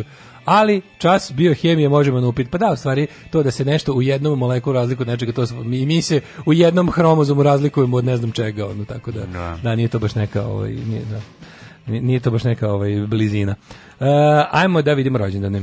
1606. Rembrandt, holandski slikar i grafičar. Pa on... uh, 1707. je rođen Franjo Pejačević, povjesničar i teolog. Uh mhm. -huh. A 1718. Aleksandar Roslin, švedski slikar. Jakob Sabar, slovenski pisac, svećenik u Mađarskoj. Alfred Northcliffe, uh mhm. -huh. britanski političar, severna e, litica, političar i novinski magnat. Da. Jean-Baptiste Šarko, -huh. Mhm. polarni, polni istraživač, polarni istraživač. Alfred Albini, arhitekta. A, Walter Benjamin. on je Benjamin, ja mislim. Da, verovatno. Nemački filozof, teoretičar kulture, sociolog, književni kritičar, prevodilac i eseist. Znaš Matorog Tirketa, srpskog jugoslovenskog futbalera, Aleksandar Tirna iz Tirke. Znati, srpski jugoslovenski futbaler i futbalski trener, Jeste, popularni igrao, Tirke. igrao u Urugvaju. Mm -hmm. 1922. Božidar Petrović, srpski arhitekta, redovni profesor fakulteta Univerziteta u Beogradu. Mm -hmm. Petar Slovenski. Petar Slovenski, da. On je on je Petar Slovenski Stojanović, slovenski mu je mm, nadimak. Nadimak. Uh, glumac, reditelj i radijski voditelj. Da, Baš vodio je emisiju gde... Karavan jedno da. 30 godina. Mislim. Ja zanima me gde je igrao, Peca Slovenski. Ovaj, u pozorištu igra. Da, pozorištu. Mm -hmm. U Jacques Derrida, filozof 1930. George Vojnović, e, političar 65. guverner Ohaja. Ivan Rastegorac, srpski mm -hmm. pesnik i filmski kritičar. 42. Momir Talić, ratni zločinac, način generalštaba Vojske Republike Srpske. Pokojna Neda Arnerić je rođena 53. na današnji 49. Dan. Karl Bildt. Mm, uh, političar. Karl Bildt, ono uvijek on nešto služi. Ono uvijek služi da bude neki ono, neki ono, Karl Bildt kad nešto izjavi, bude uvijek nešto kao, aj čuti, nemoj samo ti, čuti samo. Uh, Stojan Cerović, uh, novinar komunista vremena. Neda Arnerić 53. Mm -hmm. 56. Jan Kertis engleski muzičar najpoznatiji Michael Curtis kao frontman benda Joy Division. Znaš, ja kao Dispatch Pant, kao Dispatch Pant, kao, kao frontman grupe Warsaw, kao, znaš, ja znam. Kao, Ti znaš što, više. Što tako ja znam više. Da, da, da, da, Svi da. znaju za Joy Division, ali da li znate za da, da, da on bio da. u grupi Warsaw, iz koje je nastao? Ne, ne, ne, ne. Lolita Davidović, kanadska glumica srpskog podrijetla 61. godine. E, 56. Joe Satriani, engleski muzičar i gitarista, najpoznatiji gitarista. A, što je rekla da solira kad smo bili klinici? Da, Satriani, nemoj mi tu glumica Satriani. Da, Satriani i Steve Vai, dva naj naj, ono već je gnjaveže gitare. Ono. Da. Dva, naj, dva najnesnušljivija virtuoza. Satriani mi je bio simpatičniji od Stivaja. Vaja. 63. je rođena Brigitte Nielsen. Mm -hmm. Danska glumica, model i muzičarka poznata kao mačkica iz filmova kao što su Kalidor i Riđoko ratnica. Kobra, Kalidor, Kalidor i Riđoko ratnica, pa onda... Ili ti Red Sonja. Ču, čuveni film, um, čekaj, gde je ona igrala još? U... Mlađo, naša, da, da, naša, naša Nered Policajaca Beverly Hillsa 2. Naša Nered Sonja na nagrajsala morađe jedan operaciju ključne kosti, nije dobro zarasla. Ajoj, majko. Ovaj, um, Ojoj, baš mi je Sonja, Sonja, studio plače za tobom, a ti tako. Nehaj, ne, a ti tako nehaj ne prema svom zdravlju. Samo se izvlačiš. Samo se izvlačiš. Ovaj, Ajde, držimo fige. Ako treba nešto da se smi da... da 76. Da Diana Krüger, nemačka glumica model Prelepa. Mm Veronika Vele Zuzulova, slovačka, alpska skijašica. I Jaka Hvala, slovenski. Jaka Hvala, e, Jaka Hvala od e, tebe, da. skijaš, skakač smrti 1991. Rudolf I Habsburg, car Svetog Rimskog carstva, pa Aleksandar onda... Fredro, uh, poljski dramski pisac, Gottfried Köhler, švicarski knjajževnik, Čeho Anton Pavlović Hovče, jedan od najznačajnijih ruskih i svetskih dramskih pisaca i pripovjedača. Mm-hmm. Mm -hmm. Pa onda Herman Emil Fischer, nemački mhm. hemičar, dobiti nego nagrade za Hugo von Hofmannsthal. Ej, John Pershing, mm -hmm. američki general. Po njemu se zovu nuklearne rakete Pershing. Raketa Pershing. Uh, uh, Ljubiša Jovanović, područni glumac, Bože, Bože Slikar, ubijen Giovanni Gianni Versace. Gianni Versace, koga, ko njega, u, ko njega ubi? Pa ubio ga onaj da. neki bre, kako se zove neki fan poludeli. Ubio ga, ne, ne, ne, da, neki, neki ludi, da, prijatelj. neki ludi. Pa onda 2006. preminuo je Bata Vranešević, mladen srpski, da, jugoslovenski mužičar, član grupe Laboratorije zvuke, pa pevač grupe Laboratorije zvuke. Celeste Home, američka glumica, 2012. 2017. Vjekoslav Radovićić, slikar, grafičar, ilustrator, scenograf, te Cipar. Bravo. Kao Luka i Vasa, Cláudia do Pães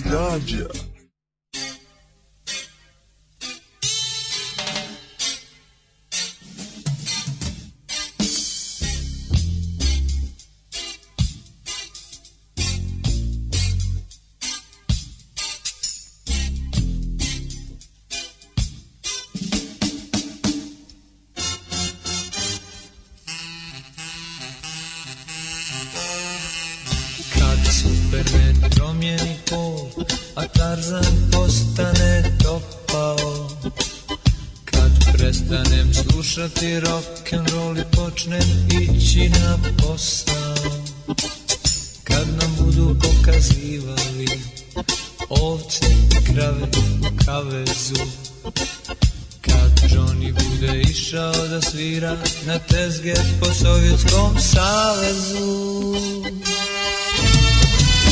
Da li ćeš me voljet tad, ili ćeš ići da bereš voće tuđe da li ćeš me ljubit tad Ili ubit kad ti loše opere suđe Da li ćeš me volje tad Ili ćeš ići da bereš voće tuđe Da li ćeš me ljubit tad Ili reći da sam pravi gad Thank you.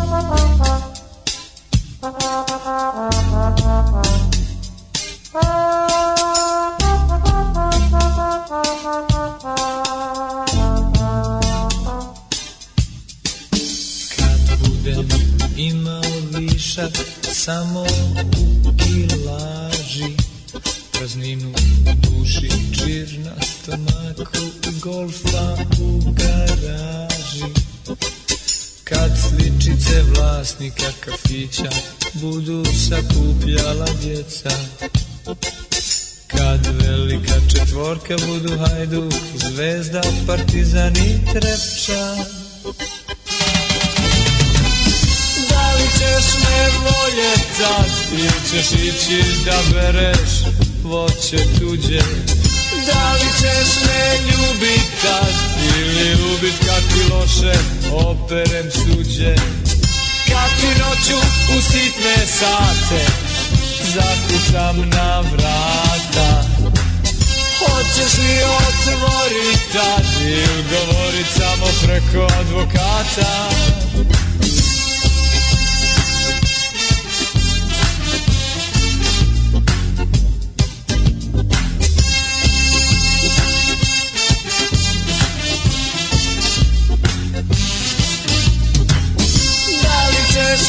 volje Ti ćeš ići da bereš voće tuđe Da li ćeš me ljubit tad Ili ubit kad ti loše operem suđe Kakvi noću u sitne sate Zakucam na vrata Hoćeš mi otvorit tad I udovorit samo preko advokata ćeš ići da bereš voće tuđe? Da li ćeš me ljubit tad ili ljubit kad ti loše Ovo su bili bombe štampa i pa pesma da. Superman. Hidrogen se za jedan atom razlikuje od vode, recimo vodonik, peroksid, da. H2O2. Ovaj, u jednom hromozomu se razlikuju muškarci od žena. E, pa kaže ovako, ovaj, Nema veze da li sliče plastici ili ne, margarin je jedno štetno govno od hrane i ne treba ga jesti ni pod kojim okolnostima. Agreed. Mm -hmm. e, pa kaže, Andrew Cunanan je ubio Versace, a presekli ga Versacevi meci. Patološki lažov, poludeli mladić, psihopat, teško detinjstvo. Versace mu nije bio prvi. Serijski ubio nekoliko ljudi u tom periodu. Nisam znao da je ovaj Versace žrtva serijskog ubica jebote. Ju. Mm -hmm. Danas punim 40 i volio bi da mi Olja Bečković ili Nebojša Pajkić čestitaju rođendan. A ćeš Nebojšu Pajkića da ti čestita dana.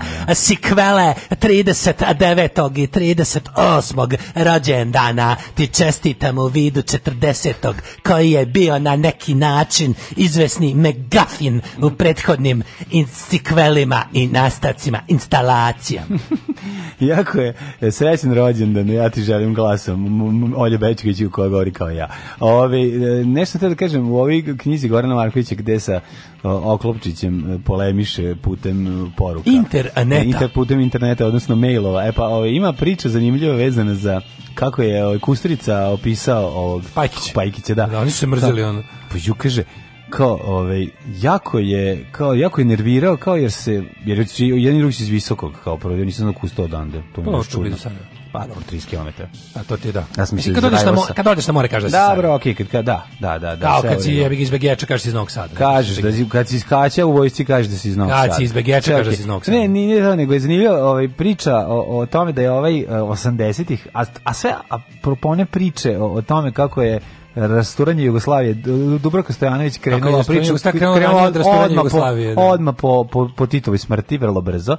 Ovaj iako bili pre pokušali kao ono da je krenulo da se radi studiozno na tome.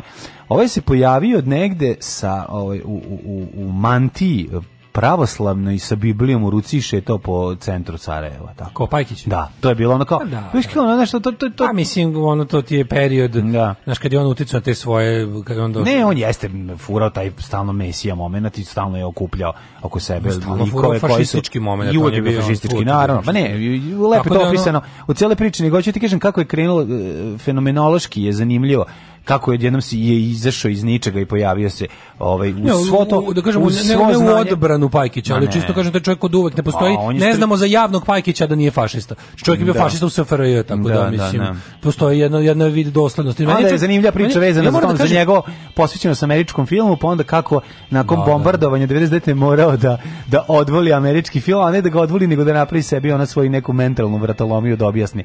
Sve jer je bio jer on stvarno zaista bio ozbiljan i danas je poznavalac ozbiljan poznavalac jeste, to američkog niko, niko, ne zna. Pa, da, da, da. pa mislim, Pajkić ti je najbolji primjer da ne postoji dosledni fašista, razumeš? On može da bude intelektualan, on jeste intelektualac, on jeste poznavalac filma, jezika filma, poetike filma, stvarno je ono kao ima, ima, ima bi šta s njime da razgovaraš na temu, ali zbog toga što ima fašističku vizuru svega i to njegovo jednostavno ono, taj njegov to je sve tako nekako jeftino i da, vulgarno. To je glumljenje hoh momenta iz ona da, naravno, iz BD, tako ono visoko krem. Tako, što tako, ti to je iz toga to, tada. Mislim on se možeš... on je sebe on je, on je sebe uvijek kao tog nekog italijanskog alte Europa dendi fašistu. Je, on je sebi da. uvijek bio taj ono Julio Sevola i tako neki da. ti kao taj hoh fin italijanski. To se zove i vidite uopšte nisam seljačina. Da, vidite uopšte nisam da, iz da. radničko dete iz iz Ali tu frustracije stvari. Tužno je videti.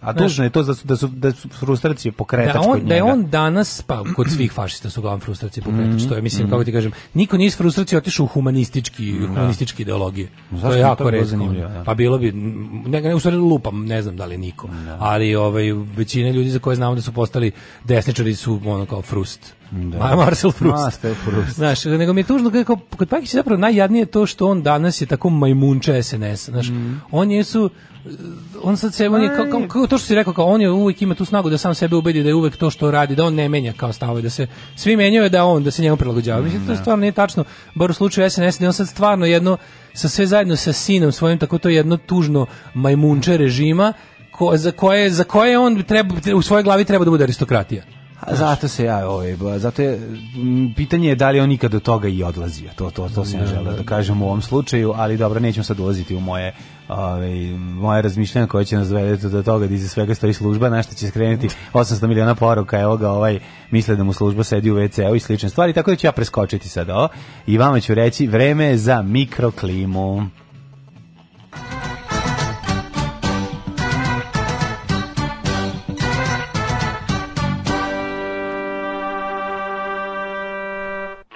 80-ih se pola, pojaviš u Sarajevu u mantiji sa Biblijom i niko ni pol, ne polomete nogu do, trojica. Ove, ovaj, a, a, inače bi to u 10 ja godina ranije. A 10 godina ranije bi ti to uradili. Ajte, molim vas. Ali mlađe postoje ovaj, društvene klime i vremena. No, znači, pravo, si, za nešto društvene se, klime postoje, postoje i klime koje ti ja nemamo. Za nešto se, da, od danas ću ja imati tu nedruštvenu klimu.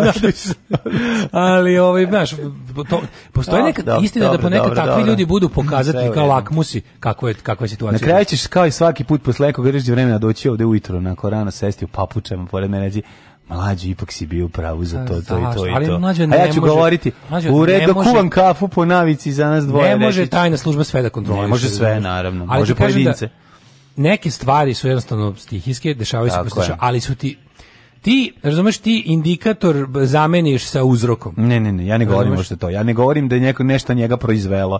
Ja govorim ne, kažem, samo da on da nešto je bio, nije... on je on je time što je to uradio tada, on je možda testirao vodu za šta se sve može. Mm. Kapiraš, osjetio je moment, mislim, ono kao fukara, oseti moment kad može da izađe kao fukara, ono to je to. Sve Znaš, jasno. proboje. Mo, ko zna, bio ko, ekscentrik, možda samo bio ekscentrik. Koliko, jeste, ja ne posjećam ja, ja, da ja, ne, ja ne pitanje ne, zašto je on to uradio.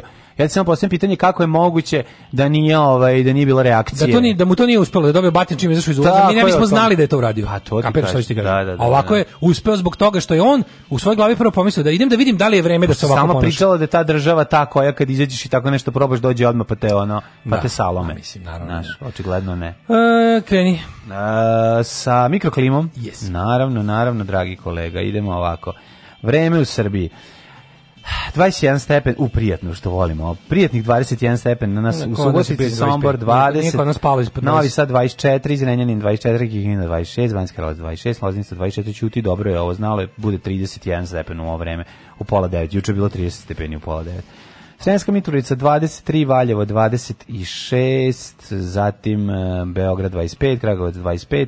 Svuda je delimično oblačno od Beograda do Crnog vrha, uglavnom vedro 25-27, E, veliko gradište 28, još nije stiglo da oladi. A, Crni vrh 20, Negotin 26, Zlatibor 21, Sjenica 16, Požeg 21, Kraljevo 27, Koponik 19, Krušumlija 22, Krušumlija, Krušovac 26, Ćuprija 27. Znaš si ustao pravoslavni mod? Nisam ove više onako veće alternativne poezije Tribini mladih 79. Niš 28, Leskovac 25, Zaječar 24, Dinatrov Vidiš da je tu već bilo po ovih pojanja, pravoslavnog pojanja osetila. Ne, mislim, meni je smešno kad čitam intervju sa, sa Vladom Divljom da kaže kako ih da. ovaj e, Pajkić loži da, da ubacuješ. Ajde sad mm. ovaj sajt. Stavite ovde baš, ne znam, neki citat od Ljotića. A jebi ga, to je previše. Ne možemo da. staviti citat, Ljotić neko. Ali ih je ložio da na poslednje dane a, stave. Bilo je kao stavite pravoslavno pojanje, ajde dobro, stavite. Mislim oni su isto ložili da to urade. Mm. U jednom trenutku Dobro ima, jeste to u to ima, vreme ima, ima bilo, dobar izvini, dugačak, ima dobar još jedno reći kad je neko mlad i ne zna, njemu to izgleda pobunjenički pa, u Koji, koja to, to je kao punk. Jasno. Jasno. Mislim, Nego imaš imaš jako dobar dugački intervju ovaj e, gde sorry Vlada Divljan pre, provodi uh, čitaoca kroz album. Mm -hmm. Svaku pesmu objašnjava šta je gde je šta bilo. Onda ima ti moment Sad da ili kad je bio klinac? Uh, pa nešto tu urađeno pred tim povodom Lupiću, ono 25 godina bio je divljan živ povodom 25 mm -hmm. godina tog mhm. albuma, tako nešto. I onda kaže, e, ovde kao tačno ima dobro sećanje na ovaj mm -hmm. na snimanje albuma, pa kaže gde je šta bilo i kaže tačno znamo pesme gde nam se ovaj više mešao, gde nam se manje mešao, a mi smo ja smo mu dopuštali da se meša. Da. Pa dobro bi on bio bre mesija njima, on je bio njima, na kraju krajeva.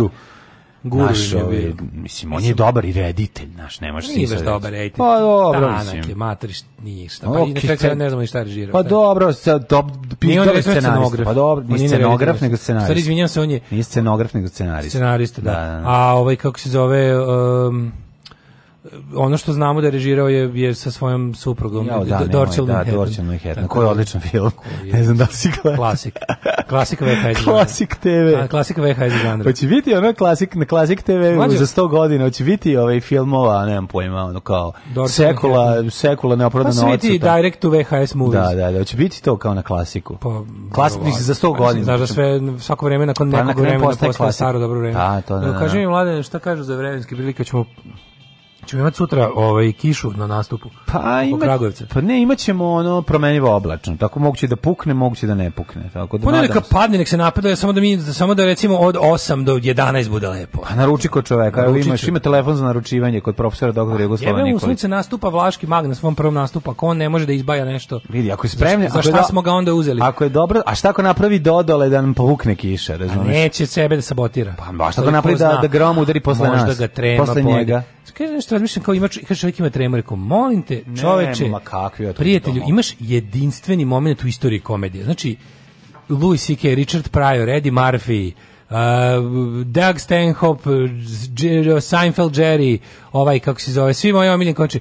Niko u životu od njih nije imao prvi nastup, a da je već bio poznat ti si već poznat, čovjek, da, ti, već imaš, ti već imaš ozbiljnu publiku koja te čeka da izađeš na, prvi, na svoj prvi stand-up nastup, to je pečena, ovaj, pečen zec. Pečena ševa. Pečena ševa. Thank you.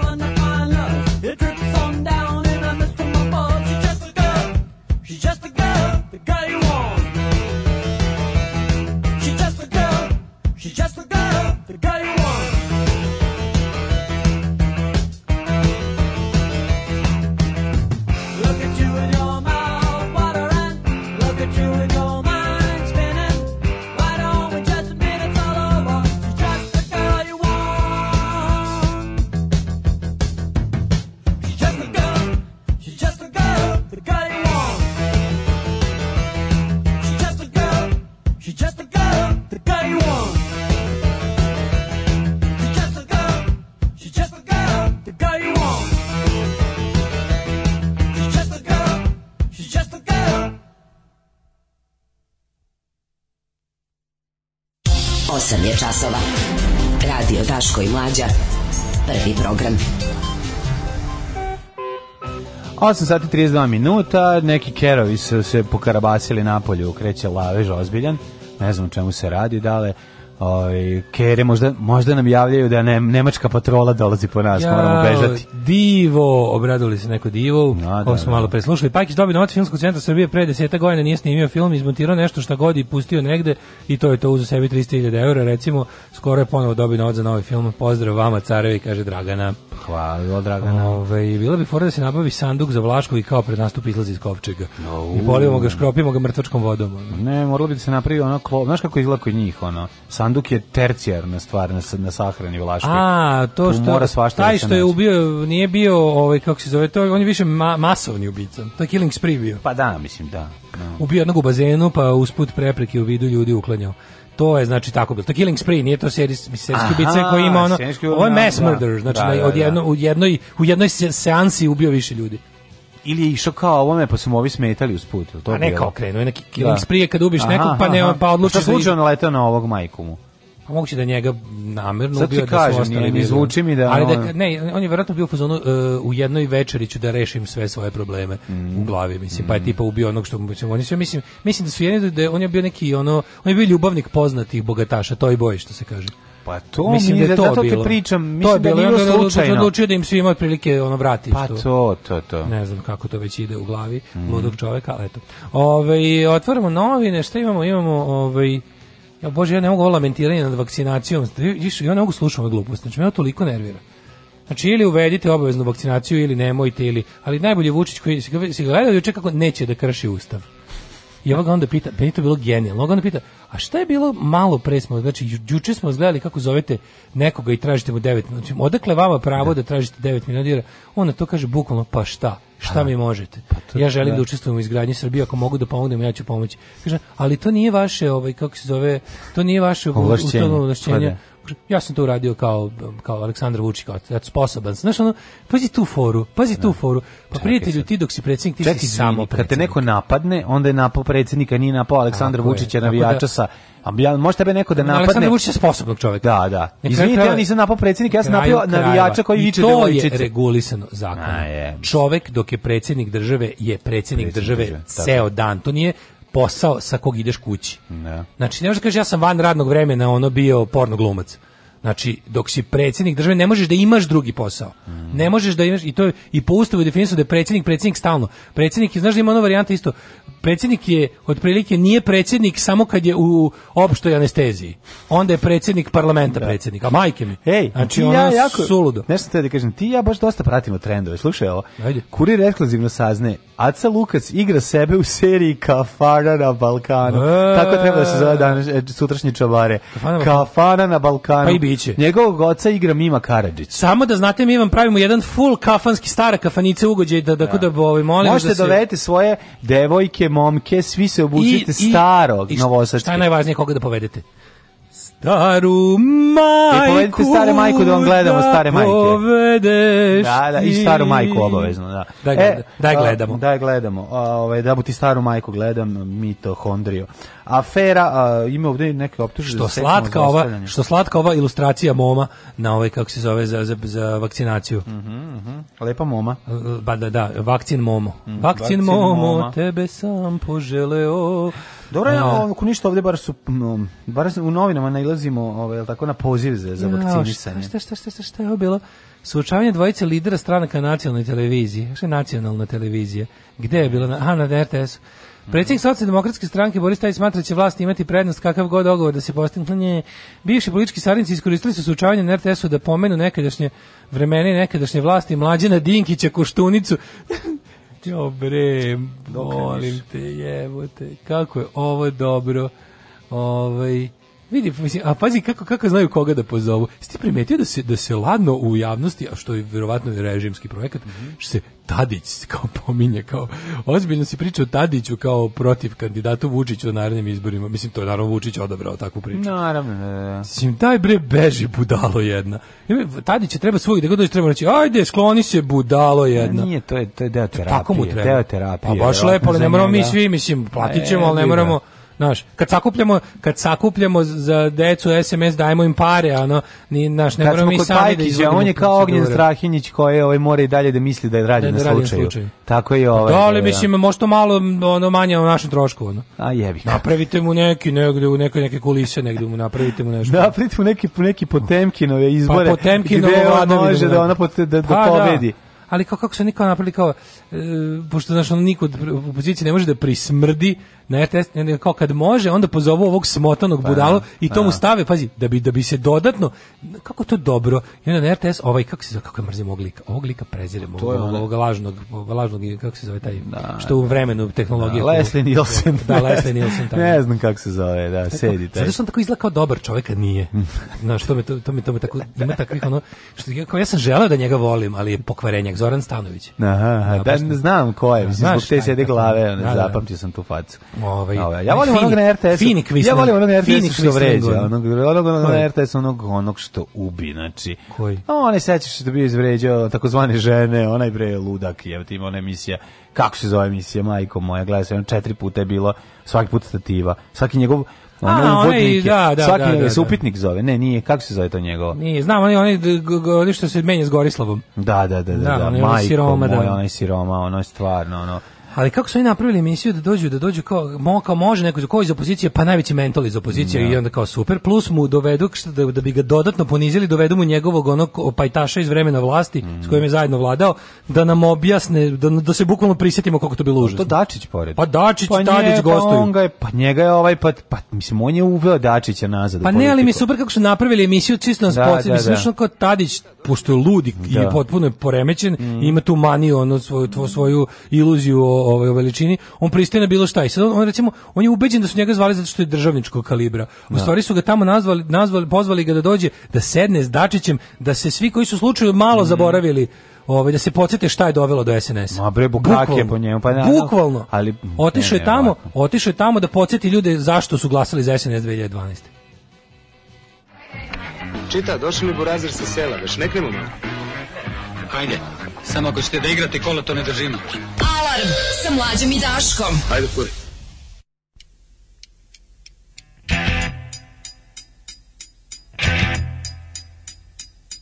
Kako bi to kada bi znala da ponudiš slakiš iz svoga senala?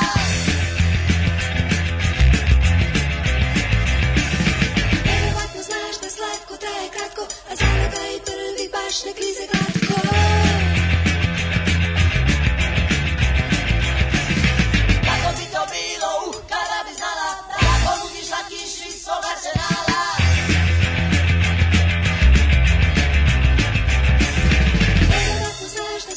Ta ekratko, a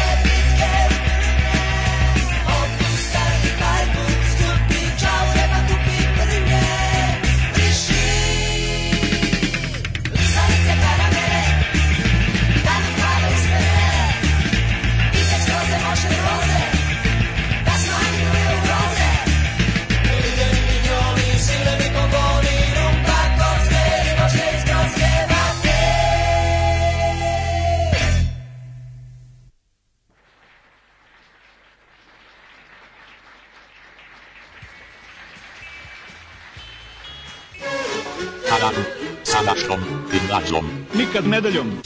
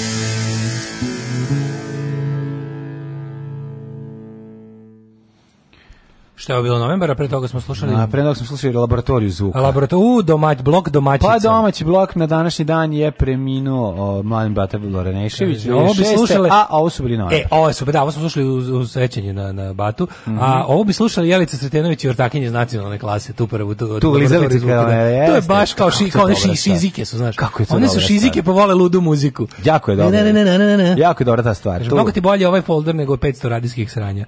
Mlađe da. se ovaj spot snimao ispred Džafera Kuštranda ovaj spot se snimao ispred Džafera, ali ne kod Stranda. Ovaj spot se snimao kod Džafera, koji je bio ne, koji je bio jedno kratko vrijeme stacioniran u Uh, studentskom gradu. A, da, znam. To, e, to je bilo jako da, da kratko da, da, vreme, da. ali je bilo. Znači, kad, da. recimo negde po 81. druga. Kako je ja, bilo, se, drago? ja se sećam kroz maglu ili sam umislio o sećanje zato što mi neko pričao. to nisam siguran. Imaš nekada ono neko izvesno zadovoljstvo da kada s nekim nešto ugovaraš da gde se nađe nešto, kada treba da kažeš samo kažeš neko staro zdanje na e, tom da, kažeš da ako da. i sve je jasno nema nađemo dodatnog ono kao da nađemo se kod mlečnog restorana da to, i, i kad znate da i ti taj s kim se dogovarate da, da nema šta da se pa više pa, znaš kad čvarko govori gde se nađeš u gradu on samo govori ta stara mesta. neki mesta. dan drugar ja zgro ja se nešto govorim da. da, da se nađem da mi nešto da, da. primu predaju neko i kažem da ćemo kažem aj nađemo kod Malajca tačka tačno zna kao znamo gde je Malajac i našli smo se kod Malajca u tolko i tolko to tako bi našem onako ne tamo na uglu da izađeš tamo pa ti ja ili kod tebe tamo ne kažeš jednu reč i kao znaš da ćeš biti razumen. Pa dobro, ili, to je tako lepo. Ili, u centru kad govori kažeš kod žutog sandučeta, da, da, da, znaš, da, i onda znaš da je to, tako da to je, to je slatko. To je super.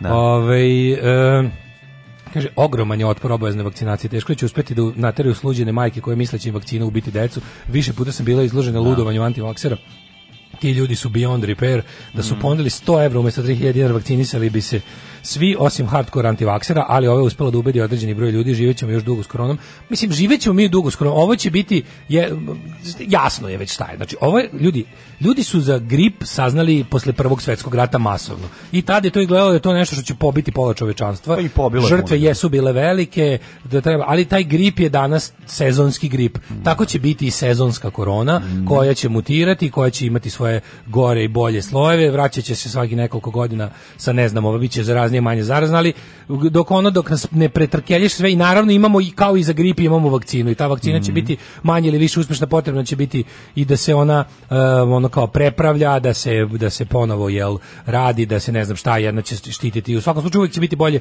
biti vakcinisan nego ne vakcinisan kao u slučaju sezonskog gripa. Mm -hmm. To je jedno od tih stvari. Sad fore što je ovo još uvek ovo je tek druga godina korone grip je krenuo da hara e, prvo znaš, ono kao posle prvog svetskog rata i on je bio mnogo duže smrtonosan na masovno nego što je korona. Posle prvog svetskog rata. Posle prvog svjetskog rata, mm -hmm. tad nisu ni ono antibiotici penicilin bili u upotrebi mm -hmm. i mhm. ostali, mislim, ja znam, ja znam, nisu konkretno vezani za, za, za virus gripa, ali kao... Ali su za superinfekciju koja nastaje. Ta pa, superinfekcija, da, je slično. Da, I plus da. ovaj, uh, jasno, medicina bila nižem stupnju razvoja kao u odnosu na danas. Mm -hmm. A ovaj, ali ono što je, bez obzira o tom, bez obzira na to kako ćemo mi se dalje nositi s koronom, da će to biti još jedan, mislim, nije ovo čak ni prva korona, ovaj, koronavirus bolest. Mi imamo koronavirus bolesti od uvek samo što je ova sad eto ovako na ova, ova kombinacija i ova mutacija virusa izaziva ovaj vid ove respiratorne bolesti.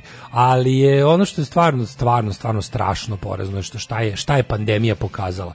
Pokazala je stepen epidemije gluposti ljudske. Ma naravno, pa to je najveći problem. Mene, znači, mene mi imamo pandemiju. Boli me iskreno, boli me nepravda, izuzetne gluposti. Ali boli me e, kad je ta glupost malo upakovanija u, u, u kao u neke nije samo ono kao ja sam onom protiv svega vi meni hoćete strpate neće mene niko zajebati neće, mene zajebati va, ne, pa će, ajde, ajde, tu, da ajde, ajde, ajde, da analiziramo ali ajde da analiziramo šta nama govori kada su vaksu skeptici u pitanju onda mi to još već, na što mi ono dodatno to je jedno drugi sloj ljudi koji bi trebalo da su obrazovani, ali kao zbog saznanja koje imaju i kao zbog toga što kao načina koji se razvijala medicina i razvijale vakcine za neke prethodne bolesti, kao trebalo bi da ovo je kao prebrzo za mene jer ja mislim znaš a to zašto je najbolje isto, najbolje to je sve isto dodatno to je sve mlađo naravno da je to što ti kažeš to da je antinaučno mišljenje yes. znaš zašto je antinaučno mišljenje zato što ideja da se razumeš u nešto što se ne, ne razumeš, razumeš i pa što naravno. i, i to kenjanje kenjanje samo da ima ono, više slo, ma, više ta potreba da sve bude jednostavno da, kao da. to je jedno ako nije jednostavno tako da ja razumem da. to je sigurno netačno pa stani budalo znam pa ni ne znači, čitaš ni ne čitaš sadržaj onog što kupiš u sitnac sredca, ako ajde pokaži mi si pročitao kad si kupio hleb Mađu, to je sa emulgatorom, ne gledaš, mislim jednostavno. Da znači, postoje nešto, neki ljudi nešto koriste. Aj, bre, čovječ, isti ljudi kupuju ono droge pa vikendom sipaš, od lika koji hvadi iz čmara. Izvini, kad sipaš čašu vode iz ono, jel, jel, jel izvadiš jel da proveraš, jel nosiš kod bazendžije da ti proveri koja je količina to, čega. Znači, najodvratniji su, kao i u slučaju, izvini, kao i u slučaju... Ne možemo se time baviti. Najdugoročnije posledice i najveće posledice zapravo ostavljaju ti pseudonaučnici. Znači antinauka, Naravno. antinauka je gotovo je antinauka je cela u religijskom domenu. Mhm. Znači antinauka jednako religija. Kod religijskih fanatika i postoji čvrst, decidiran, jasan, da. precizan, direktan antinaučni stav. I to je jedno to je, to je lako za to je jednostavno kako ti kažem s time znaš šta ćeš. Pseudonauka to nisam protiv da, vakcina, ali, ali no. Da. to jer to implicira da si ti kao nisam protiv vakcina, čekaj, stani, molim te, ti ne znaš ništa o tome. Jel možeš ne. Da. da zamisliš da li za početak možeš samo da se posvetiš, da upostiš svoj um jednom jedinom ovaj aktivnošću, a to je aktivnosti, a to je da ovaj se probaš da shvatiš koliko ne znaš. Da probaš da razumeš, to nije problem kad ti ne znaš, nego kad ni ne znaš koliko ima da se zna. No. Da. Ti nemaš pojma koliko tu ima da se zna, da bi uopšte bio, da bi uopšte dobio i najmanju mogućnost da izraziš svoj stav i da taj stav bude potkrepljen bilo čime na temu vakcina, ti si od toga daleko najmanje šest godina teškog rada. Najmanje šest mm. godina teškog rada. Znači, ajde se kladimo da nisi mogao za devet meseci pandemije da stekneš šestogodišnje iskustvo no, da, kako, čoveka koji se da u medicinu. Kako mogu da očekuju da će dobiti, ne znam kakav stav ono vezan za vakcinaciju u Srbiji ili, po, ili broj, neki zdrav broj vakcinisanih, kada ono vladaju no, na neznanju i bedi. Mislim oni on, oni da proizvode da vidimo, to. Treba, naš, to, e, to, je to je no, to je prirodno stanje stvari. Kad ti ono vladaš, mađo, antinauka i pseudonauka su su uh, posledica. To ni antinauka i pseudonauka nisu same po sebi ni ni izbile kao same sebi svrha, nego ti moraš da vidiš kuda je, šta se desilo u stvari čovečanstvu i da nađemo te korelacije između, između, između te poplave informacija s kojima ljudi ne znaju šta će. I nemogućnost, znači moramo da vidimo šta sve, naš čovjek nije se jednog dana probudio kao antivakser. To je jedan proces koji je trajao jako dugo i to treba da vidimo šta je to što dovodi, šta je veće, šta je opšti pojam od antivakserstva. Razumeš?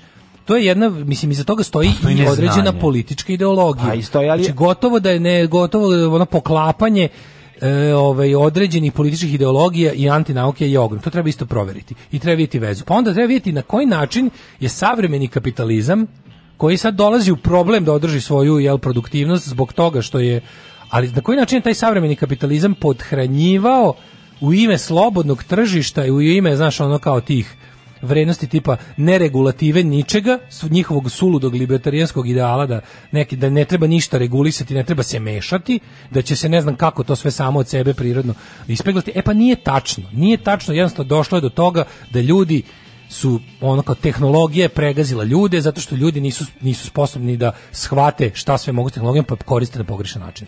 I to je baš to. Pa da, ali e, kako ti kažem, postoje načini da se to spreči. Mi smo, Mislim, ali to isto znači, oni su, kao, znaš, kao, kapitalizam kao je kapitalizam je u... tako da još još 10 puta vremena više treba da bi se ono pa da, da bi ljudi da bi ljudi jednom ali nemaš e, možeš da očekivati da od čoveka koji ono nije pazi nije netačno Vučića pa, da. 10 pa sati Vučić čovječ, dnevno Vučić je samo lokalna, na pinku govorim Vučić ti ovako Vučić je samo lokalna varijanta čak nije ni nagrada da, da bulje Vučića on bi imao Vučićeve stavove koji su amorfni razumiješ? ali znam Vučić kaže njima jedan... vakcinišite se a pre toga im je sve dugo što im govori ceo život im govori da je ono da su oni ugroženi, da su oni žrtve, da su oni neshvaćeni, da su oni nebeski narod. Sve to drugo im soli. Kapiraš, I onda da im nakon toga kaže: "Aj se sad vakciniš." Da. Pa aj... ne, možeš da mu kažeš, znači to je kao da si rekao čoveku ovo ovo to su to su mixed signals i pa, to je ono to kao je zbunjuje bre, pa na taj način. Neko reče, neko reče, kao, znaš, on kad ljudi kao kad kad, kad, kad, kad kao u muško-ženskim odnosima kada kao prilazim devojci kao dobijem kao mešane signale. Mešane signale znači odjevi. Preporuči preporuči da. da. ih shvatiš kao ne. Ne, pa na. Just to make sure jebi ga.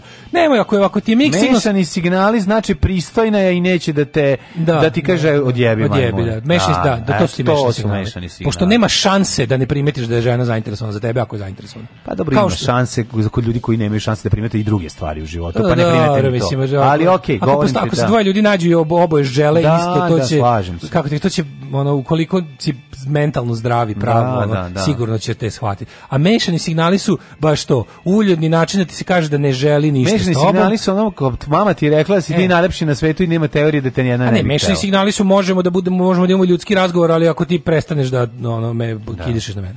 To su mešani signali. A fore je, ovaj, odnosno, to ti, mešani signali su ti prilika, ma da, to ti je davanje... Mešani to signali su njeno, SOS za ljubav. To ti je njeno davanje tebi manevarskog prostora da dostojanstveno odeš odatle. Što, ono, što je da jako cool. Da izađeš iz cele stvari stvari, jako pošto si se zajebo. Tako, tako je, tako, je. Da, da, da, znači, nije, da, to, to ti je baš to. Da. Tako, tako ih i tumači, a mm. o, mešani signali u ovoj, u informacionom smislu, u ovom tom kao to što Vučić pali pa žari, hladi pa žari ljudi i to, ali, znači ti, šta je najgore što mi možemo mi mladi možemo bukvalno on žari žari, žari, jednu, žari žari žari žari pa ladi mi možemo na jednu je možemo na jednu kompaniju da ukažemo prstom bukvalno postoji više stvari je doprinalo tome da ljudi danas budu tako informisano glupi. Ove, ovaj, a, ali postoji, kompanija Facebook je da. 90% krivice. Se znaš da to, to možda malo kao, zvuči kao ono, znaš, ali populistički i lako ali, ali Daško. većina ljudskog neznanja, agresivnog, većina ljudskog da. tog Danin Krugerovog, ono, tog onog tipa, ja sam naučio sve, je, je odgovornosti bukvalno kompanije Facebook i na njihovom jebenom sajtu koji je u prodro u većinu čovečanstva i koji je zauzeo centralno mesto u životima većine, pazi, zapadnih ljudi koji su otišli u kurac zahvaljujući stranjima koje tamo čitaju. No. Mm, I onda prikaz, pazi, imaš ti i drugi društvene mreže, i ti Instagram i TikTok i te kako učestvuju u dumping down. To su možda naš razlika između onog što uradio A, Facebook i što je TikTok je da. najveći domet da. ljudskog zaglupljivanja. Da. Kao TikTok je baš kao ko poslednji izađe nego ga se Služi da ono to je tinejdžersko zaglupljivanje. Pa da, TikTok je baš da. ono kao TikTok je verovatno ne, ali za nas koji smo jeli iz analognog sveta, to nama deluje kao kraj svega, kao tipa ne može se biti gluplji od TikToka, ne može se više uživati u zlu i gluposti nego u TikToku, ali verovatno može Ma doći, sigurno će izmisliti neku društvenu mrežu na kojoj možda osjećaš bol, pa će ljudi da pritiskaju dugme da, da jedni drugi povređuju, to je sigurno. Ali ono, ovaj, uh, znaš, kao kad viš TikTok, to je gledaš TikTok to je poraz, to je kraj kao tipa poraz ljudskosti, ono. Na to je omčo, ali, TikTok je omčo. To, to je omčo, da. da. Ali, da. je, ali je ovaj, ali je Facebook je zapravo ta nekako šire potrošnje. Naš TikTok je više ekstremna glupost koja već kad nakon što si skuvan na ostalim stvarima ili si premlad ušao u svet da. e, tog ono vizuelnog interneta na telefonu, ali ono što je najviše ljudi, najviše generacija, najveći opseg, Kad je najveća napisano i boldovano, znači to mora da je tačno i bez mm. ono, ono prazilog teški ono gluposti da, da.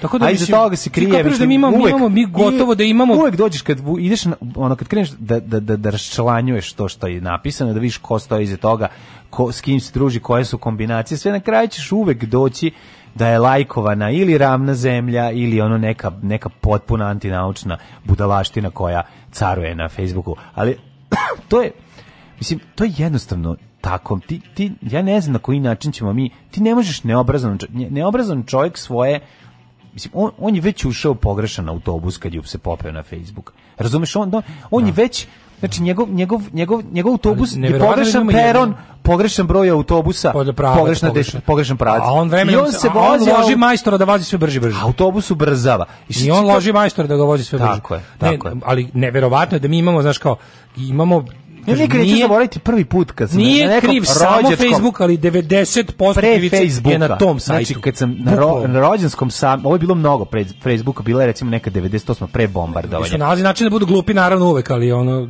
ovo im je olakšano. 99. Eto, znači pre 99. 2000, ali pa još, još internet nije bio. E, i, da ovaj, je bio old school, rekla Karla. Ali su bile već, te, e, već su bile E, mo moglo se na kablovskoj gledati neke National Geographic emisije mm -hmm. i mhm. tu je bilo u tragovima šta bi bilo kad bi bilo da su piramide mm -hmm. vanzemaljci. Da, da, da. I nikad neću zaboraviti susret sa rođakom jednim koji je ovaj, nakon što smo, on je stari čovjek od, mislim, godište moga oca koji mi je rekao ti studiraš istoriju. Ja, to je sve da, netačno. Kaže on, hm, da, istoriju. Hm. Koju istoriju ti studiraš? Da. Ja, ja pogledam. I sam skontam, i sam skontam, pa i sinoć gledao National Geographic, on kaže gledao sam, preko pa odma sam provalio šta. Znači znam šta je, pošto sam i ja gledao mm, National Geographic. A bila je tamo. A bila je da, ono kako su... izmislio ne, neko kako juče. su van, ali bilo je jasno, obično za svako ko je normalan je jasno da je ovo fikcija i da je ovo da, nešto što bi mi volili, ali jednostavno ljudima fikcija ti, prija. Kažem ti, da je jedan jedini, da je jedan jedini sajt koji je agregator svih tih gluposti uspeo toliko da nazadi ljude Naravno da su oni već bili prajmovani za to. Mi ovdje imamo mi, mi imamo ovdje, ovdje znaš, ovdje se na gluposti ljudi radi od 90. godine sistemski. Ti tačno vidiš od svih gluposti kojima su nas pripremali da je jednostavno ono kao Facebook došao pala je ono kiša na žednu zemlju ono. I to je bilo stvarno onako ne mogu da zamislim, znači kao ima, imaš imaš za, glupi ljudi su ono internacionala, razumeš? To je jednostavno ono kao kad pogledaš glupak u Teksasu i glupak u Lazarevcu su stvarno rođena braća. Kad se spucaju pa i kaže kao me vodite u bolnicu. Ne, ne.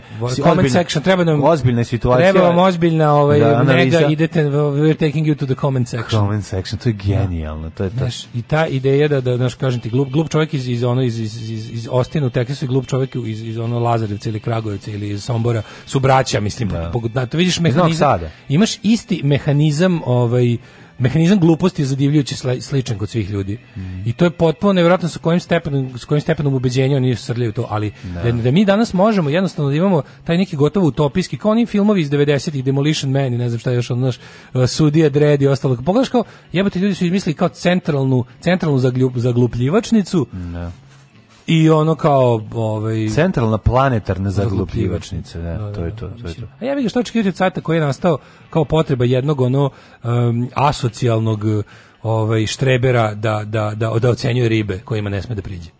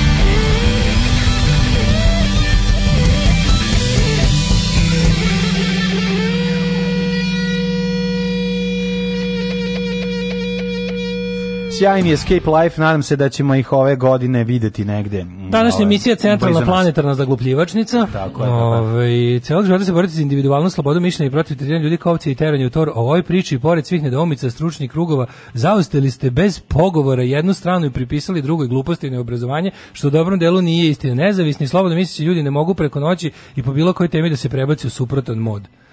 Pa ljudi moji, nije... Ne, mi nismo zauzeli. Čekaj, stani, stani da vam objasnim nešto. Znači, to, slobodno misleći i nezavisni, to nije vrednost samo po sebi. Znači, to, ako ćeš ti da budeš različit i slobodan i nezavisan, po svaku cenu, to može da znači da si u velikoj meri budala.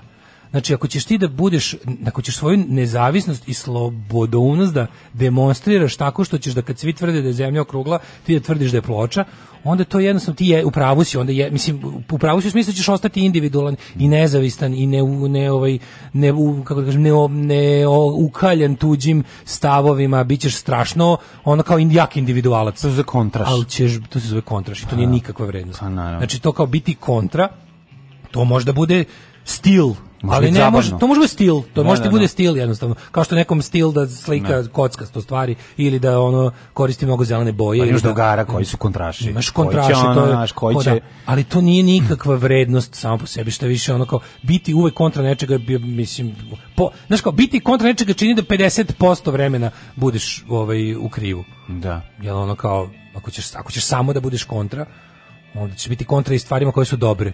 Da, da. A ovo su, mislim, kako ti kažem, vakcine su jedan onako vatra, točak, parna mašina i vakcina su, ja mislim, ono što... Imević Vukašinović. To su, ono, mislim, ne znam, ne znam, ne znam kako više da objasnim. To, svi, mislim, ne, ne, znam, ne znam, ne znam, ne znam, ne znam zašto ljudi misle da, da pokušavam stvari da razmislim zašto kako smo stigli do toga. Mislim mislim meni, meni, šta, istina, meni, ja pokušavam da razmislim šta smo da mi to rekli da da izazove ovakav ovaj komentar. Pa to kao mi, pa to je to kao mi smo deo tora jel na vakcine su, na smo vakcine su. To je pa to mi reci znači mi smo ovce. Mi smo ovce, mi smo ovce da, jer smo da. u tom kao to mi mi verujemo naš mi verujemo vakcine, a ne istine ne verujemo masovnim medijima. Znaš kako, a to je stvarno teško, teško je.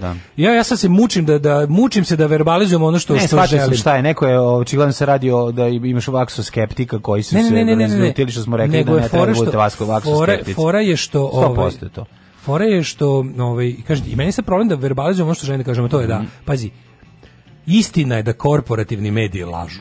To je istina, kao to je, znaš, i sad treba biti u, užasno, to je jedna, jedna stvar, koja, to je jedan proces misleni koji nikad nije gotov i koji stalno traje i u kom je ono što je zapravo najviše ovaj, sluđuje ljudi i gde oni naprave tu grešku u razmišljanju je što žele da naprave nekakav aršin, nekakvu letvu koja će biti baždarena i kojem će oni meriti sve koja će ne. Da. biti primenjiva na sve živo. Kao neki merač koji će stvarno da meri da, dubinu ne. i da. dužinu i voltažu i gustinu i ne znam brzinu, to nema, takav instrument ne postoji. Postoje različite stvari za već, bukvalno e, život savremeni život na planeti Zemlji ti ono te tera da jednostavno ukoliko stražiš univerzalnost, a ljudi traže univerzalnost. Ja sam primetio to mnogo kada ljudi ljudi stalno brkaju e, nemogućnost postizanja univerzalnosti sa nedoslednošću. Mm -hmm. I onda do, i onda i onda logika tu crkne mm -hmm. u smislu da znaš on kao dođeš A juče si rekao da, ovo, da, zašto sada da, ovo? Da, da. A zašto sad zašto? stojiš sa Vidio sa pajom, da. ovim leviatanom? Pa zato što uništavaju reke, pa igram slučaja smo se Došlo našli tu, za Slučajno, da. To je jedan od Ili primjera kao, kako može ja da ne bi to, ne, ne bude još budeš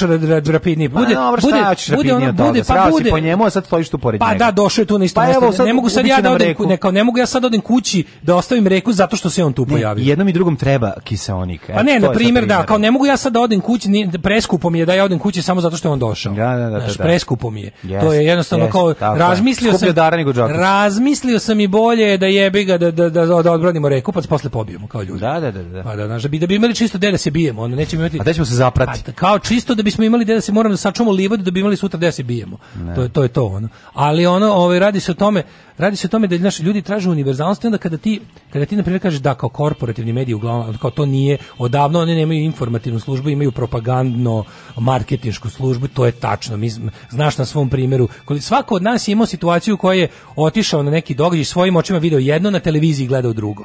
I to je jednostavno tačno. Znači, i sad ti treba u nekim stvarima treba kako ti sada da nađeš pravilo u kom Mi znamo da korporativni mediji lažu, a kako da znamo da ne lažu u vezi vakcina? Pošto smo isto od istih korporativnih medija koje su nas slagali 100 puta, mi danas slušamo da su vakcine dobre. E sad šta se tu desi? E sad ti tu treba da znaš jednu stvar, a to je da, pošto ne postoji savršen sistem, ne postoji savršen zavr, ne postoji savršen ništa, e onda se naravno mora desiti, baš što si ti rekao, nekad ćete stice okolnosti staviti u ono kao u, istu, u isti koš sa nekim s kim se tamo nikad ne bi našao. I tako će se desiti da kor kapitalističkim korporativnim medijima treba na kraju krajeva da ljudi budu živi i zdravi. Da. Bar za to što treba nešto da im prodaju.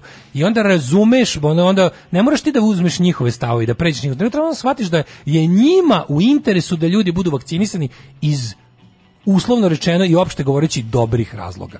Jer ono kao kapitalizmu treba živ čovek ako ništa drugo da radi i troši. I onda ti samo, mi sad možemo da se, mi sad možemo, vidimo se već na drugom, drugom kolenu diskusije razići oko toga šta radi velike farmaceutske kompanije, koliko su etički i koliko im treba jebat mater za razne stvari. Ali da su kao napravili i ne, vakcine koje funkcionišu, to možeš biti ubeđen čistom primjenom logike da oni pod jedan treba toga da zarade i pod dva da to treba da radi, jer ono kao taj koji od njih naručuje te proizvode hoće da kupi nešto što radi. I onda, ne, znaš, mislim, i, onda kao, na, i onda eto, eto da, ti, ne, eto ti nekakav sistem. Čisto da ne bude da si ono naš, eto ti ono objasni, eto, eto sebi tako to objasni. Mm, Nećeš biti u krivu. Da. Nećeš biti u krivu. Znači ono kao jasno je da jasno je da farmaceutsku industriju ne pokreće humanizam, to je jasno, ali je isto tako jasno da u okviru nehumane farmaceutske industrije pojedinačno rade mnogi humani ljudi. Da koja ova instrumentalizuje njih zarađuje. Znači to je ono to je jako na, vrhunac naš, to je to je onaj to je onaj to je onaj prav, to je prava inteligencija. Prava inteligencija ti da da možeš da u isto vreme pro, pro, kako, da, procesuiraš na izgled suprotne ono stvari, ali da izađeš sa logičkim, on, logičkom vezom između te dve. To je jebi ga zajebano. Znači, ono, isto kao što je znak neinteligencije, držiš dva suprotno na stava da ti oba imaju smisla. To je ta, tanka je linija između ta dva. Mislim, naš, pitanje je i ovde, da li se sad ovde tera mak na konac, naš, i sad je pitanje, znači, naše zauzimanje stava, suprotnog stava, kao što tvrdi poruka, nije tako jednoslovno jednostavno što kako si ti sad objasnio u ovom pa ništa, ekspozeu. Pa ništa nije pa jednostavno, zato kažem, pa upravo to. A ljudi teže a da ljudi uproste, vole, da- da vole da, da uproste, da, kao, da. E, ti I onda ako sad. nije, a znaš šta je, to malo greška i našeg e, način na koji mi, znaš šta je, for, način na koji mi učimo kao klinci, sad o tom sam isto razmišljao, kad, kad, smo, kad, kad nešto roditelji uče, kad nešto u školi uče, kad bilo koje učenje, kad si mali pa ne znaš ništa, pa tek treba bilo šta, uvek, uvek se, sve se stalno insistira na tome, vidi, jednostavno, to ti je prosto, slušaj, pra, bukvalno mi kroz našu naš ono u obrazovni proces od početka stalno ponavljano se. Pa gledaj, jednostavno je prosto, uopšte na tome ne treba insistirati. Mu kao samo nešto ne. i prvo što nije svakom sve jednako prosto. Ne, ne, ne, a drugo mi onda se naučimo zato se kreće od jednostavnih stvari, Znam, Ne, ne, ne kaže da ne treba kretati jedan, nego ne treba insistirati na se sa ne. Zato što pa nećeš ostati na linijama, ali kad Znaš, učiš pisanje, da. grafomotoriku vučeš prvo linije Jeste, kose, kose pa prave da sam, i vežbaš, tako, a to je priprema za, za ispisivanje mislim, slova. Mislim da, mislim da mi vučemo te neke, kako ti kažem, nus efekat toga da nam se stalno sve predstavljalo kao prosto i jednostavno, a ne, nemoguće da je svima sve jednako prosto i jednostavno. Znači, onda meni... Pa, je problem da smo mi stručnjaci za sve e, i to je problem. E, pa, to, da, to, to, je sad druga stvar. Znaš, naravno, to je... Ali onda, onda, ljudi, onda ljudi u daljim fazama života, kad nešto nije prosto, kad da. nešto jednostavno, kad jednostavno prosto vidiš da nešto nije prosto. Da. I onda ti kada dođeš do toga... Ali ne vidiš. Ne vidiš. Prvo je razlog, ne, ne vidiš, prvo je ti hoćeš da ga uprostiš, a nije moguće. Još ne, ne smiješ zaboraviti još jednu stvar. Nije moguće. Facebook e, čini bitnijim tebe nego što jesi, tvoja Facebook stranica. Čini te da. Bitnijim imaš tebi samom se. sebi si bitniji. Naravno, jer imaš stvara ti iluziju bitnosti. Stvara iluziju, ozbiljnu iluziju bitnosti. Da, da, da. Znaš, i to, tu sve zajedno onda stvara jednu onako priličnu kakofoniju i nemoguće je čoveku koji je opet na po samom početku odlučio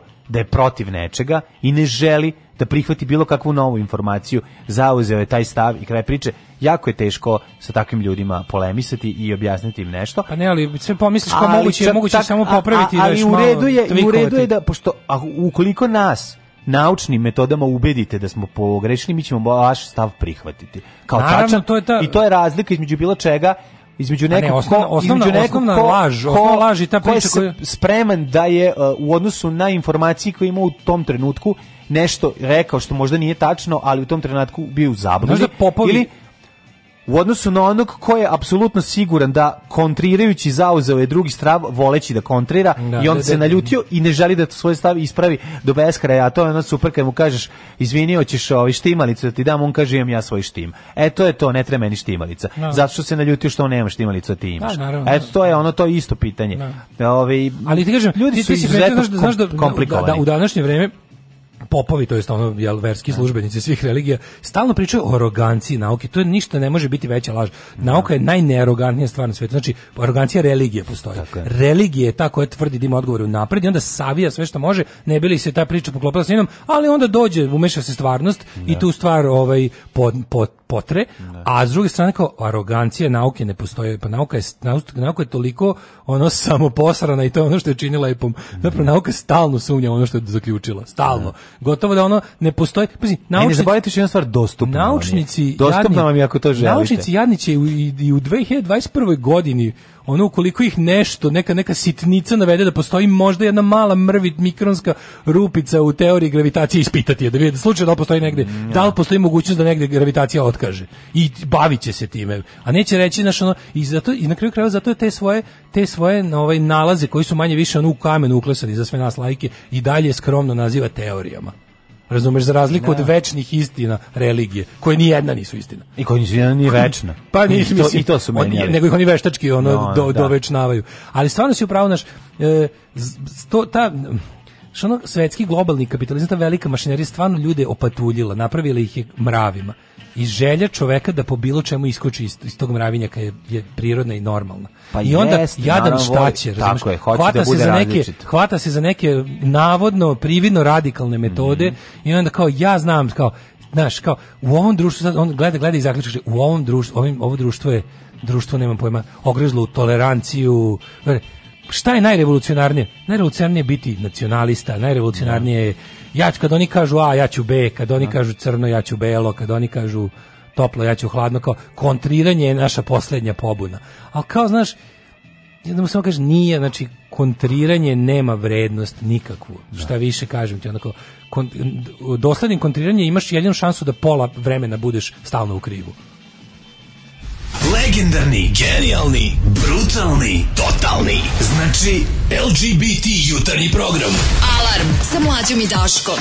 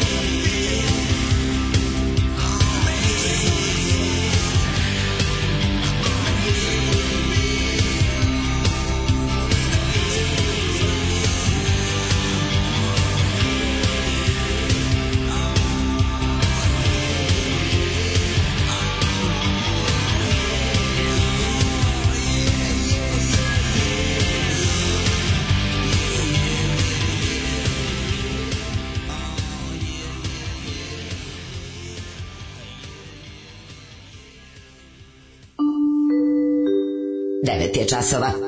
Radio Taško i Mlađa. Prvi program. Devet i dvadeset dva, opa, Bato Markela. Nije samo Facebook, tu je i Nestorović, Gosenčede još jedan. ja veš Marks i Engels, sad čitam samo tvoje dela, još samo da ih napišem. Ove, ovaj, e, kaže, ove, ovaj, e, pa onda ovako, sve ovo što ste pričali o ignorantnosti ljudi, da li misli da je na zapadu bolje nego kod nas? upravo smo pričali o tome da glup čovjek i glup čovjek iz Lazarevca, kolega s glupim čovjekom iz iz ono iz Boise Idaho. Mm -hmm. Ovaj Daško rekao mlađi tačno sve u pravu si, vrijeme za godišnji. e, kaže ima toga i u nauci, samo se mi borimo protiv toga, a u religiji je to odma greh. Uh -huh. uh, pa kaže, gravitacija će da otkriže čim vaskrsnu domaće matorke. Ne treba biti naučnik da bi to znao ili dokazao. Ovaj, ljubav za strpljenje u crtanju, lepa definicija za generalizaciju u nedostatku strpljenja prilikom razmišljanja, opet i uvek vas mnogo volim, svaka ti kao njegoša. Nevuče se Milinović, vakcina je najveće dostignuće naše civilizacije i ne jedina stvar, ali najvažnije otkriće uz veštačko svetlo, struju, motor, s unutrašnjim sagorevanjem koje nas diferenciraju u odnosu na ranije civilizacije, a najveće um, Mm, kaže, a najveće jer je džaba svetla Pariza i Ferrari ako nema zdravih homo sapiensa da ih koriste. Tako je. Tako je. Ovaj narod nije za internet. Zaključe kao, ovaj narod nije za internet. Net je prepun korisnih podataka, oni ga koriste da gledaju videoklipove debila jer smatraju da je čitanje zlo. Da.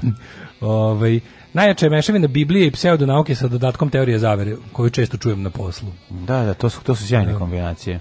Ove, ovaj, um, pa kaže, e, dobio, dobro Riki Gervais reče, kad bismo uništili sve religijske i naučne knjige, religijske se ne bi pojavile ponovo kao što su bile, da. a naučne bi, jer bismo ponovili sve tekstove i, došli, i to testovi dobili testovi. iste rezultate. Tako je, pa da, tako da, je. Da, naravno. I ono drugo genijalno što meni kao, kao, da li ima šanse da pustiš recimo da pustiš nekog dete da odraste ne znajući za religiju do nekog vremena kad, kad na, da, naučiš ga da čita.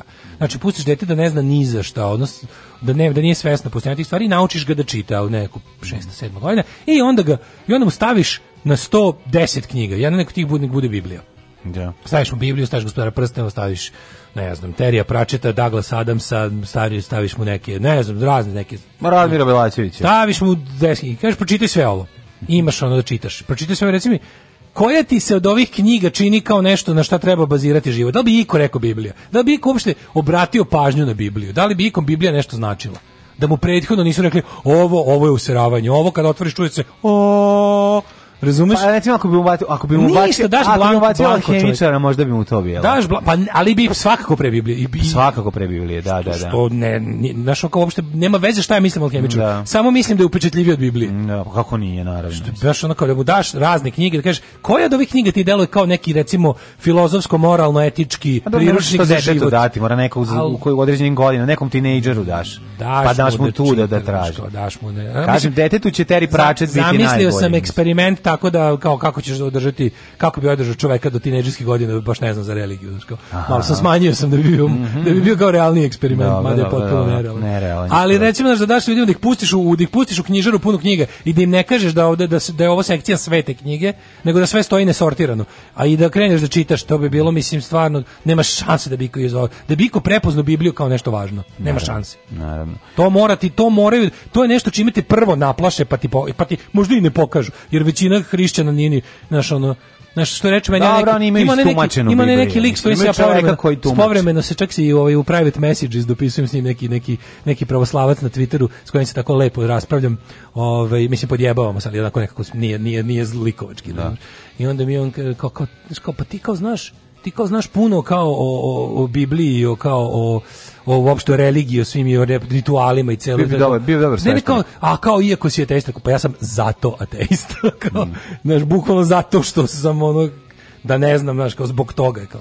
Tako da bi ovaj čitanje ovih kako se čitanje svetih knjiga je dobar način da se da se da se one ovaj prevaziđu. Uh, idemo u ej, ostane nam još samo da ajdemo da u stvari darujemo. Pa ima sad poklon, da, da, da, da. Vrijeme darivanja je Boulevard Books e, ove nedelje. E, sad se baš da profituje. Gađa, gađa vinilom, ljudi, što to lepo. Znači, idemo kombinacija knjige, ove, ploče, knjiga, ploča, strip, knjiga, ploča, strip. Ove, to vam je kao kamen, papir, makaze. E, sad smo došli do papira, odnosno do ploče. Ove, 180, 250 gramski vinil, šta im se? 180 gramski, neko je postoje pitanje zašto je 180 gramski vinil bolje od ono? Pa zašto je dugotrajniji? A, za početak... početak, dublja, dublja brazda može se napraviti. I šta je važno još? Dugotrajniji, pa, drugo, pa dugotrajniji, a samo što dublja brazda. Otporniji na vremenske prilike. Ako ga nosite negde, neće vam se lako izvitoperiti u kolima. Što bi se, bi vidio na ovome, na uh, Hard Timesu, da. Hero breaks glasses to save uh, rare vinyls pa iz, pa kao da, iz vrućeg auta. Iz vrućeg auta, pa moraš da sad... Ko razbije prozor da izvadi. Ali je fora sa, sa 180 gramskim vinilom bolje, da. zašto ima više materijala, pa brazde u kojoj igla ulećemo mogu da budu dublje, što daje bolji zvuk. Da. E sad mi Jačko. poklanjamo ploču jednog izvođača kojeg, a vi ćete odgovoriti o kome se radi prvi ko odgovori, ali ću vam ja pustiti domaću verziju te pesme tog izvođača da sad Uje, da čujete. sad dok ide pesma vi ovaj dok ovaj ide pesma vi slušajte šaljite tačno i šaljite prvi, prvi koji stigne. Prvi koji stigne s imenom i prezimenom. Da, e, dobro. Dobija, dakle ne, dakle treba nam originalna. Vi dobijate originalnu verziju da, vinilnu. Ploče, o, ploča ovog što ste čuti ne postoji. Ne postoji ovo, ovo je ovo je kasetno izdanje i mislim da je iz predstave neke, al da. tako. Ne, i, e, da, da jeste, trebalo bi da jeste, jeste da, da, da, da. Znači, slušamo, pošaljete ime i prezime mhm, izvođača koje čiju ploču mhm. ćete da dobijete. I dobijete kod Bulevar Buksa gde možete da kupite, ukradete knjigu, ploču i popijete piće. Ovaj od njih ćete dobiti na da kućnu adresu. ne porodici pošaljite koga slušamo i vašim ime prezime. Tako je, tako je. A samo da vraćate krvariti duši. Tako je. Daško i mlađa, mađarske pičke.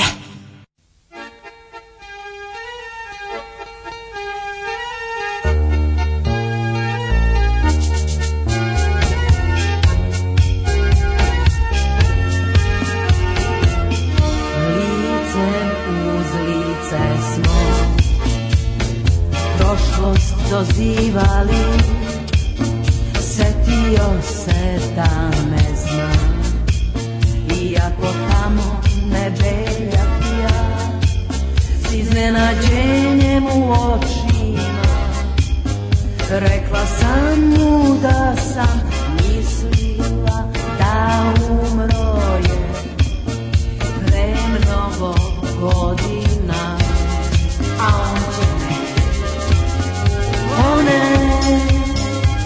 yeah.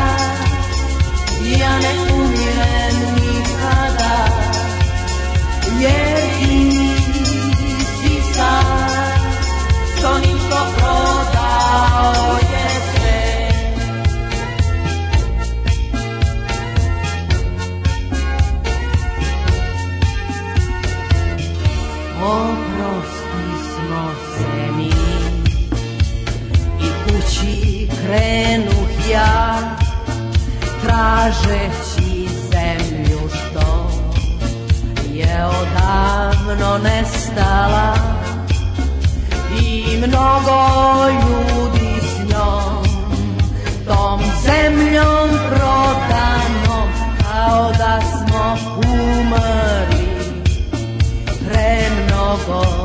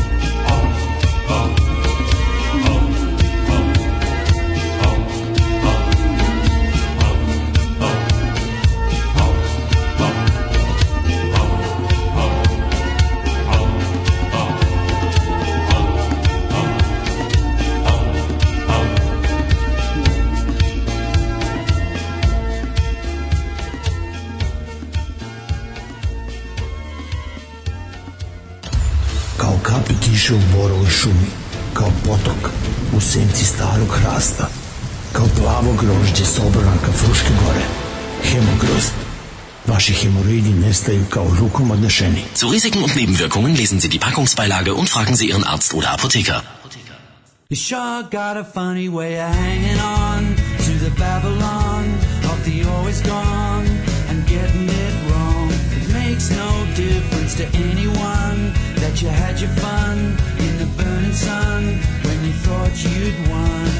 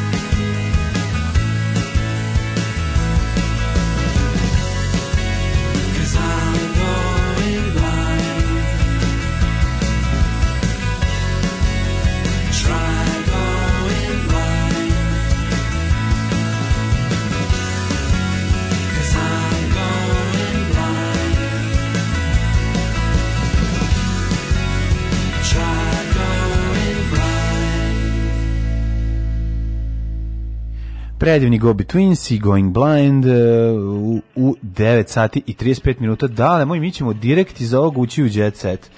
Ja stvarno ne mogu da verujem šta se na da, da, da, je, mnogo smo danas brbljali. Je. Da, da, danas je baš bio brbling time. It's brbling time. Znaš da ima takav narod, ovaj, bugarski.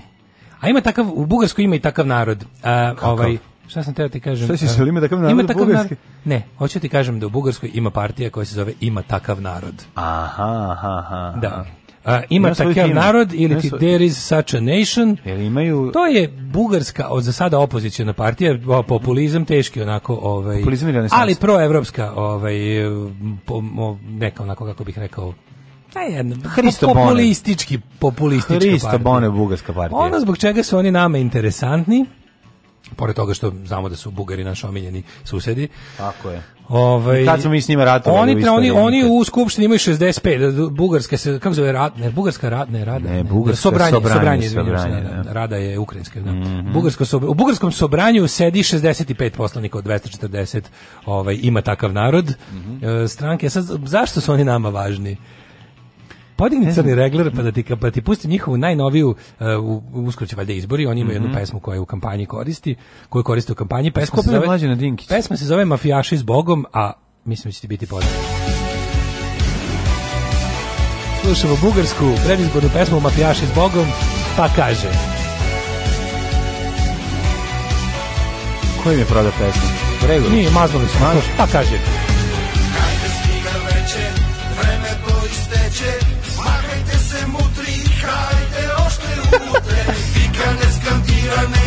idem putem s njih Baš je dobro biti za u kafani danju Izgledaš mi kao lutki sisterstvo, odlično Zbogom mafijaši, sa pokušam da razaznam neke reči Ne, besplatno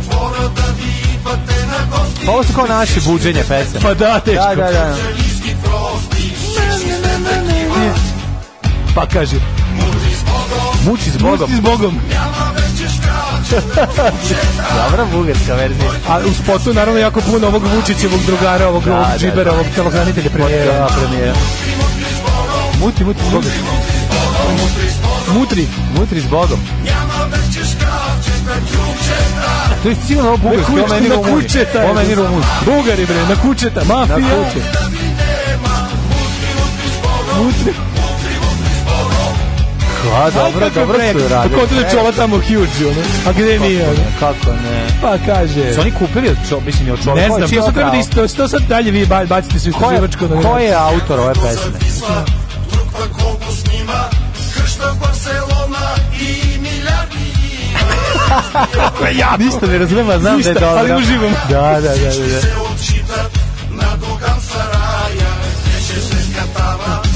za kokoškari. Kokoškari, kokoškari je bilo, bilo je kokoškari. Imate si sičku biznes kiti, lapki bulki, Au oh, jebo, da smo pažljivije slušali spasiteljke, možda bi e, znali. Put sam gledao, a ne slušao. Slušao, da. Pa kaži. Budi s Bogom.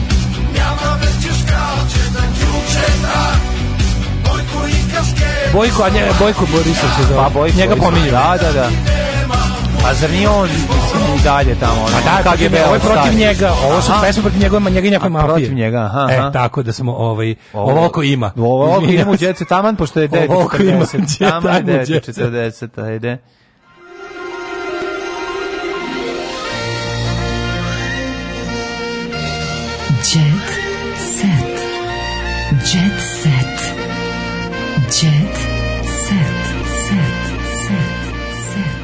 A su je preradili svaka im čast. Razvališ. Kaže, ovo staje rame uz rame sa pli, plivanje za časen krst. Jese. A, inače, da, tačno odgovorno David Bovi, slušali smo ovaj... kako carski posla ime i prezime i Milena Dravić. Naravno, naravno. Da, ovaj, no, ovaj, ako se ne valjam, ploča ode u ruke najprvije i najbrže. Mm, drugarce. A, drugarce koja se zove Nataša. Ode kod Nataša. Ode kod Nataša. Naftaša. Da. Tako da javit ćete se da viš kako to preuzmeš počeo, ako se nam sada bilo da da odeš tamo i da je uzmeš. Ove, e, Naši pa, drugari su 90-ih imali drugaricu čiji Ćale je valjao, ovaj, kako se zove, gorivo i onda su nju zvali naftaša. Jel kod ćale te idu da ko, ko su kod ćale te išli da uzimaju gorivo. Dobar faza. dobro. Mhm. Kaže, koliko je ovo dobro jedan kroz jedan. Da, na da. bugarskom se carina kaže mito, a carinarnica je mitnica, majke mi. Ovaj, a smejali ste se za vidi, gari ne može. Kava mi na nos izašla, jebte se. Dobro, ovo čolo na bugarskom uopšte nije loš, dosta nije jako. Loš, bolji on. Malo je turbo negro, da, iskreno ti kažem. Ovaj, Verzija je malo, malo e, Sisters of Mercy, malo turbo e, negro. E, ima malo, ima malo kažem turbo negro. Ima da, da, svega, da, da, naš, da, da, nije... Da. Stvari više liči na Hankov solo album, malo pa, više dobro, strada. Da, da, više da. malo strada. Yes, yes. Ove, ovaj, Krudi dojavio da se na YouTube-u ponovo pojavio striptiz u žablju. Nemojte jako da ga gledate da opet ne skinu. Neću skinu. Oprezno da gledajte. Pa sačuvajte Odnosno, prvog ekip kip Sad čuvajte ga. Prvo ga vidujte, za slučaj da opet Sačuvajte ga tamo gde čuvate porniće, stavite To je ovaj, nacionalno blago. Tako to je, je national treasure i to pa tako Lides. treba i ko gledati. Idemo u jet set. Mhm. Mm Jesmo imali, jesmo imali. Da, da, da, kao su banji. Era, deco, evo je banja. Era sabotirao veru na koncertu. Pevačica, seljačina, nisi uspeo da me uništiš. Ovi su, ovi raspravi su kao ono fight između ono Hordaka i Skeletora. Slušaj ovo. Era, sabotirao sam veru na koncertu pevačica. Seljačino, sabotirao sam veru za večer. Nisi uspeo da me uništiš, spasao si dvorac Siva Lubanja, ali si uništio sebe. Vremešne zvezde su na festivalu dobile nagrade za svoj rad, ali od Kod Oljanić je proradila sujeta jer je publika skandirala njegovoj koleginici. Znaš? Uje. Pa je on pokušao da ju minira nastupa. Znaš da on bio minir u vojci, pa iskenjao se na, pa ispod štikla. A, da se oklizne. Šta on može? A šta on može? Može, evo vidi jaja, ne može ništa. Jesi ga video, ovaj, jesi ga video, on, on ima isto Instagram, si ga vidio Instagramu, ali je vruće, pa se slikao kao go. Majko Mači, ono, ono je ono skočilo mi temperatura. Jeste, Pala mi da. temperatura na Jeste, ako ne možeš da baciš peglu, poglaš malo njega i e, ono kreće. E, Mirka, Mirka na, najsrpskija žena ovaj, na svetu, kaže, porodiću se u Beogradu prirodnim putem. Znaš no, kako je to da, da, takmičenje, to je pa kao no, fora. No, ne, odmah ću izaći, nakon što se porodila, odmah idem da popim kafu, izleću bolje. Porodiću se od sve vas što ste debele. Prirodnim putem da. i biću ono prepička za dva dana. Bolje, za dva da, dana da, se vraćam kao overpičk. Tako, tako da ja sam prava žena srpkinja ja mogu sve, a neko ove neke svetom zaražene žene što se u inostranstvu porađuju na carski rez. Kaže, dok je Matovićeva izvodila svoj hit, publika je pala. Ja sam, koji je hit od Matovićeva? Ono, Ko je? Dakle, Miki Milane, pa, da, baš da, mi ne daš mira. Pa, Koji je Pauk? Da sam Pauk, Matović Erodenić. Veliku bi me pleo. To nije Erodenić. Ja mislim da to je Erodenić original. Da sam Pauk, mali Pauk. Aha, Najveća pometa nastala zbog dve pesme, Miki Milane i Pau. Pa, da. Dok je Matovićeva izvodila svoj hit, publika je pala u transtoj, njenu ali, kolegu Ero nije mogao da podnese, Miki Milane, pa počeo psuje da govori, neće ona meni uzeti slavu. Ta, tu ali pesmu, to nije svi, ali mlađu. Okupili tu... posjetili su tražili da Vera peva na bis što Eru dodatno razljutila. Tu pesmu je single-handedly ono, toga hit napravila Nakita. Znači, on RPNHMA nakita sa, sa Instagrama, to da. je naš kad oni uzmu pa nešto siluju, jebi ga, da. stalno trpe i prave, a uglavnom 98% fazona koje naprave su potpuno genijalni. Mm -hmm. I onda jebi ga pošto je, u jedno vreme su nije se moglo živeti, svaki jebeni ovaj fazon na nakiti je bio sa Miki Milane. Ne, da. A to je ne, ono ne, Miki mega Milane, popularno. Miki Milane je stara stvar. Ma znam, ali nije da. bilo kultnu su je napravili, razumeš? Yes. Imaju oni još te ono kao od naših drugara mi je pričao kako te da udavi lika u vojsci 70 70 neke godine koji je stalno tražio Veru Matović. Pa, da, da, da. Znači imaš lika kome jednostavno Miki Vera Matović. Miki novija bila... pesma dosta, ne, ali... Ne, da ti kažem, Vera Matović ima nekoliko hitova. neke, neke elektro dance folk. Ima i 70-ih ona. Ali je fora što, naravno da ima ono 100 godina stoji, kao što su gnjavili Ško, sa, sa Vendijem i Đavole Garavi. Uh, znači, ali kažem ti, moć moć ovaj Instagram stranice ručno pravljena nakit handmade accessories da nečeg napravi nešto veliko je ono uh, hands down. Slušaj, ne, ne treba sumnjati u to. Ono. Ćemo utvrdio da žena od sultana nema gaće. Sad ti e, za pogledaj ko je. Znači, ćemo ćete će, jedan od tri braće je ovaj došao pa je, pa malo pa je ona malo zadigla suknju pa koji, pa mu je pokazala da nema Kostov gaći. ugradila gruđu mm -hmm, sad je Grudov i ta Grudov Kostov Grudov mm -hmm. kaže prošle kroz pravu dranu kad su pukli silikoni u grudima ali Prošno. je sanacija izvršena jel jeste aha kaže bila je da to popravi vraćeno sve na mesto pevačica odmara u Turskoj a izgled u kupaćem kostimu nikog nije ostavio Kaži ovaj, mi, je li plenila svojom jednostavnošću? I... Evo, baš vidim ovdje kako nije krila dobru sisu, a s njom je raspoloženje. E, odlično. Počelo snimanje druge sezone kultne serije Močvara. Ko je kult? kultna pa, serija? Koja? Pa nemojte Koga mi jebati. Koga vi zajebavate? Mađo, ajme objasni nešto. Šta treba da se, šta, šta kod tih državnih, tako tih ulupanih para projekata, šta tu treba se desiti? Kažu, ovo je bilo loše, aj se pravimo da nije bilo što ti neki ljudi što kažem ti meni nije jasno taj Beograd je prepun ono ljudi Čekaj, izvini, mogu što da te pitam. Či prepun ljudi da koji u petak popodne raspale da, da zgradu u kojoj rade, spale sve zaposlene u ponedeljak ujutro ga čeka novi posao. Beograd je problem svih naših problema. Ja sam ti to govorio od 90 Šta veliki od 91. ti to govorim. Da. A ti me ne slušaš počeo hoću u staklenu zgradu, hoću da idem u B92, pa hoću da jedem velikom kašikom.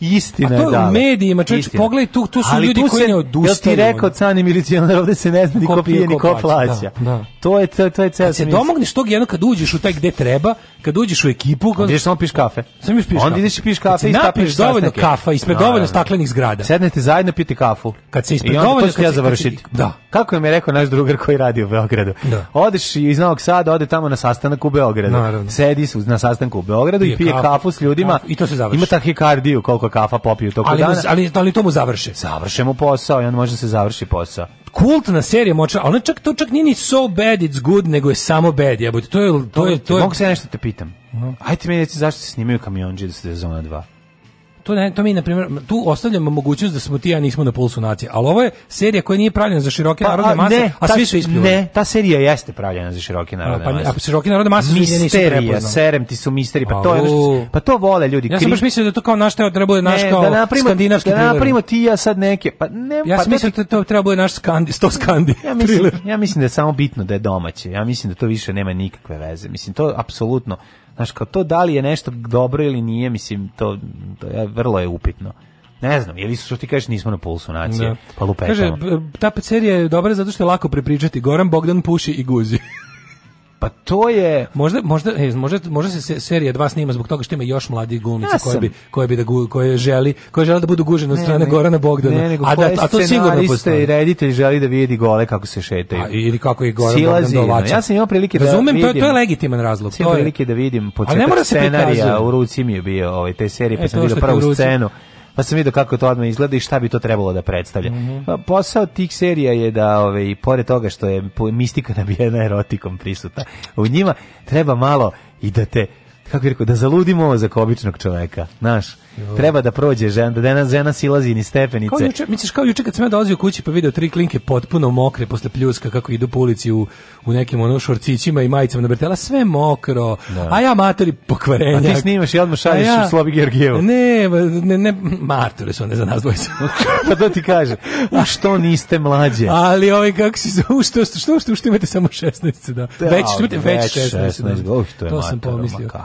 I krivog ste spola. I ovo, kako se zove i međutim da i onda kao i onda ja da sam recimo uticajan, ja bi ja bi ja da sam da imam tu moć, ja bi njih zaustavio na ulici i rekao ej, devojke, aj kod mene da napišem scenarijo. Imam vezu na RTS-u, to će biti serija do do nedelje uveče. Biću sigurno, serija ako imaš vezu. Pa otprilike, mislim ja drugo da. objašnjenje za ovakve serije nemam. Tata ne ustaje iz kreveta, smršao 30 kila, Miljana Kulić u problemima. Kako se smršao kad ne ustaje iz kreveta, valjda vas ugojio. Pa nije ne ustaje iz kreveta, loše, bolestan je, ćali izgleda. Cecino ušće među. Bolestan, e, evo, da. re, evo reakcije na seriju ovaj ceca. Na epizodu Junaka doba zlog. Cecino ušće među deset najposjećenijih koncerta ikad na svetu. Pa da. Pa da. Vik, prema podacima, a, a Wikipedije. Naravno, mislim, Wikipedija ne može da, ne, nije, ona, nije to Wikipedija, izmi to je negde mora da bude reference. U, evo gde je jeftino snimanje, nove epizode serije smeštene u Sentu. U, tamo su našli jeftinoću neku, dobro. A? Što u Sentu? Pa reditelj u, sent, u Sentu. Znam šta je bilo. Čovek je po, uzeo u Esterhazi posle stičarnici u Senti je naleteo na Dukat Uh, konabarić. ne, na konabarici je žuti dukat. Ajde rekao, smislimo dobro. Rekao, Daj zaplete ove močvare. Ja bi tebe suočio s Goranom. Pronašao je telo u, u, u, u dobu štorti. Je e. pronašao te prst prst u dobu štorti i krenuo je da otkriva šta se deše odakle. Dele, ma, prst, to jest, ne, pečatnik prsten u dobu štorti. Prstenac. Da, prstenac. Od kad živim u Beču imam više vremena za porodicu, kaže Dejan Matić. On živi u Beču, nisam znao. Ma naravno, Moj, svi, svi normalni ljudi žive u Beču. Neko nam zvoni, da, zašto da, da. nam, nas ne pusti da završimo emisiju? Pa ne, mogu da nas puste, ovaj. moraju, moraju, moraju da dođu. Da. A, da. pa, Bela Hadid više ne krije dečka, mm -hmm. pa onda ovako, dok se ša i tara tetoviraju... Ne znam, znaš, imaju ljudi fetiš da prekinu emisiju, da se da, čuje da su oni izvolili. Da, možda, možda dođe do malog ukrućenja. Neka, nekako, njima da, lepo, meni, meni nije. A, svako otišao na svoju stranu, dok se ša i tara tetoviraju, Ivana uživa s Tomovićem. Čisto ša, ša i tara jednako šara te tetovaža mala. Da. Ove, ovaj, aj zdravo. Ćao. Tekst čitali Mladin Urdarević i Daško Milinović. Ton majstor Richard Merc. Realizacija Slavko Tatić. Urednik programa za mlade Donka Špiček. Alarms svakog radnog jutra od 7 do 10. Oh, you touch my -la -la. Alarm sa Daškom i Mlađom. Sve vas koji ne slušate na podcastu, mrzimo. Alarm sa Daškom i Mlađom.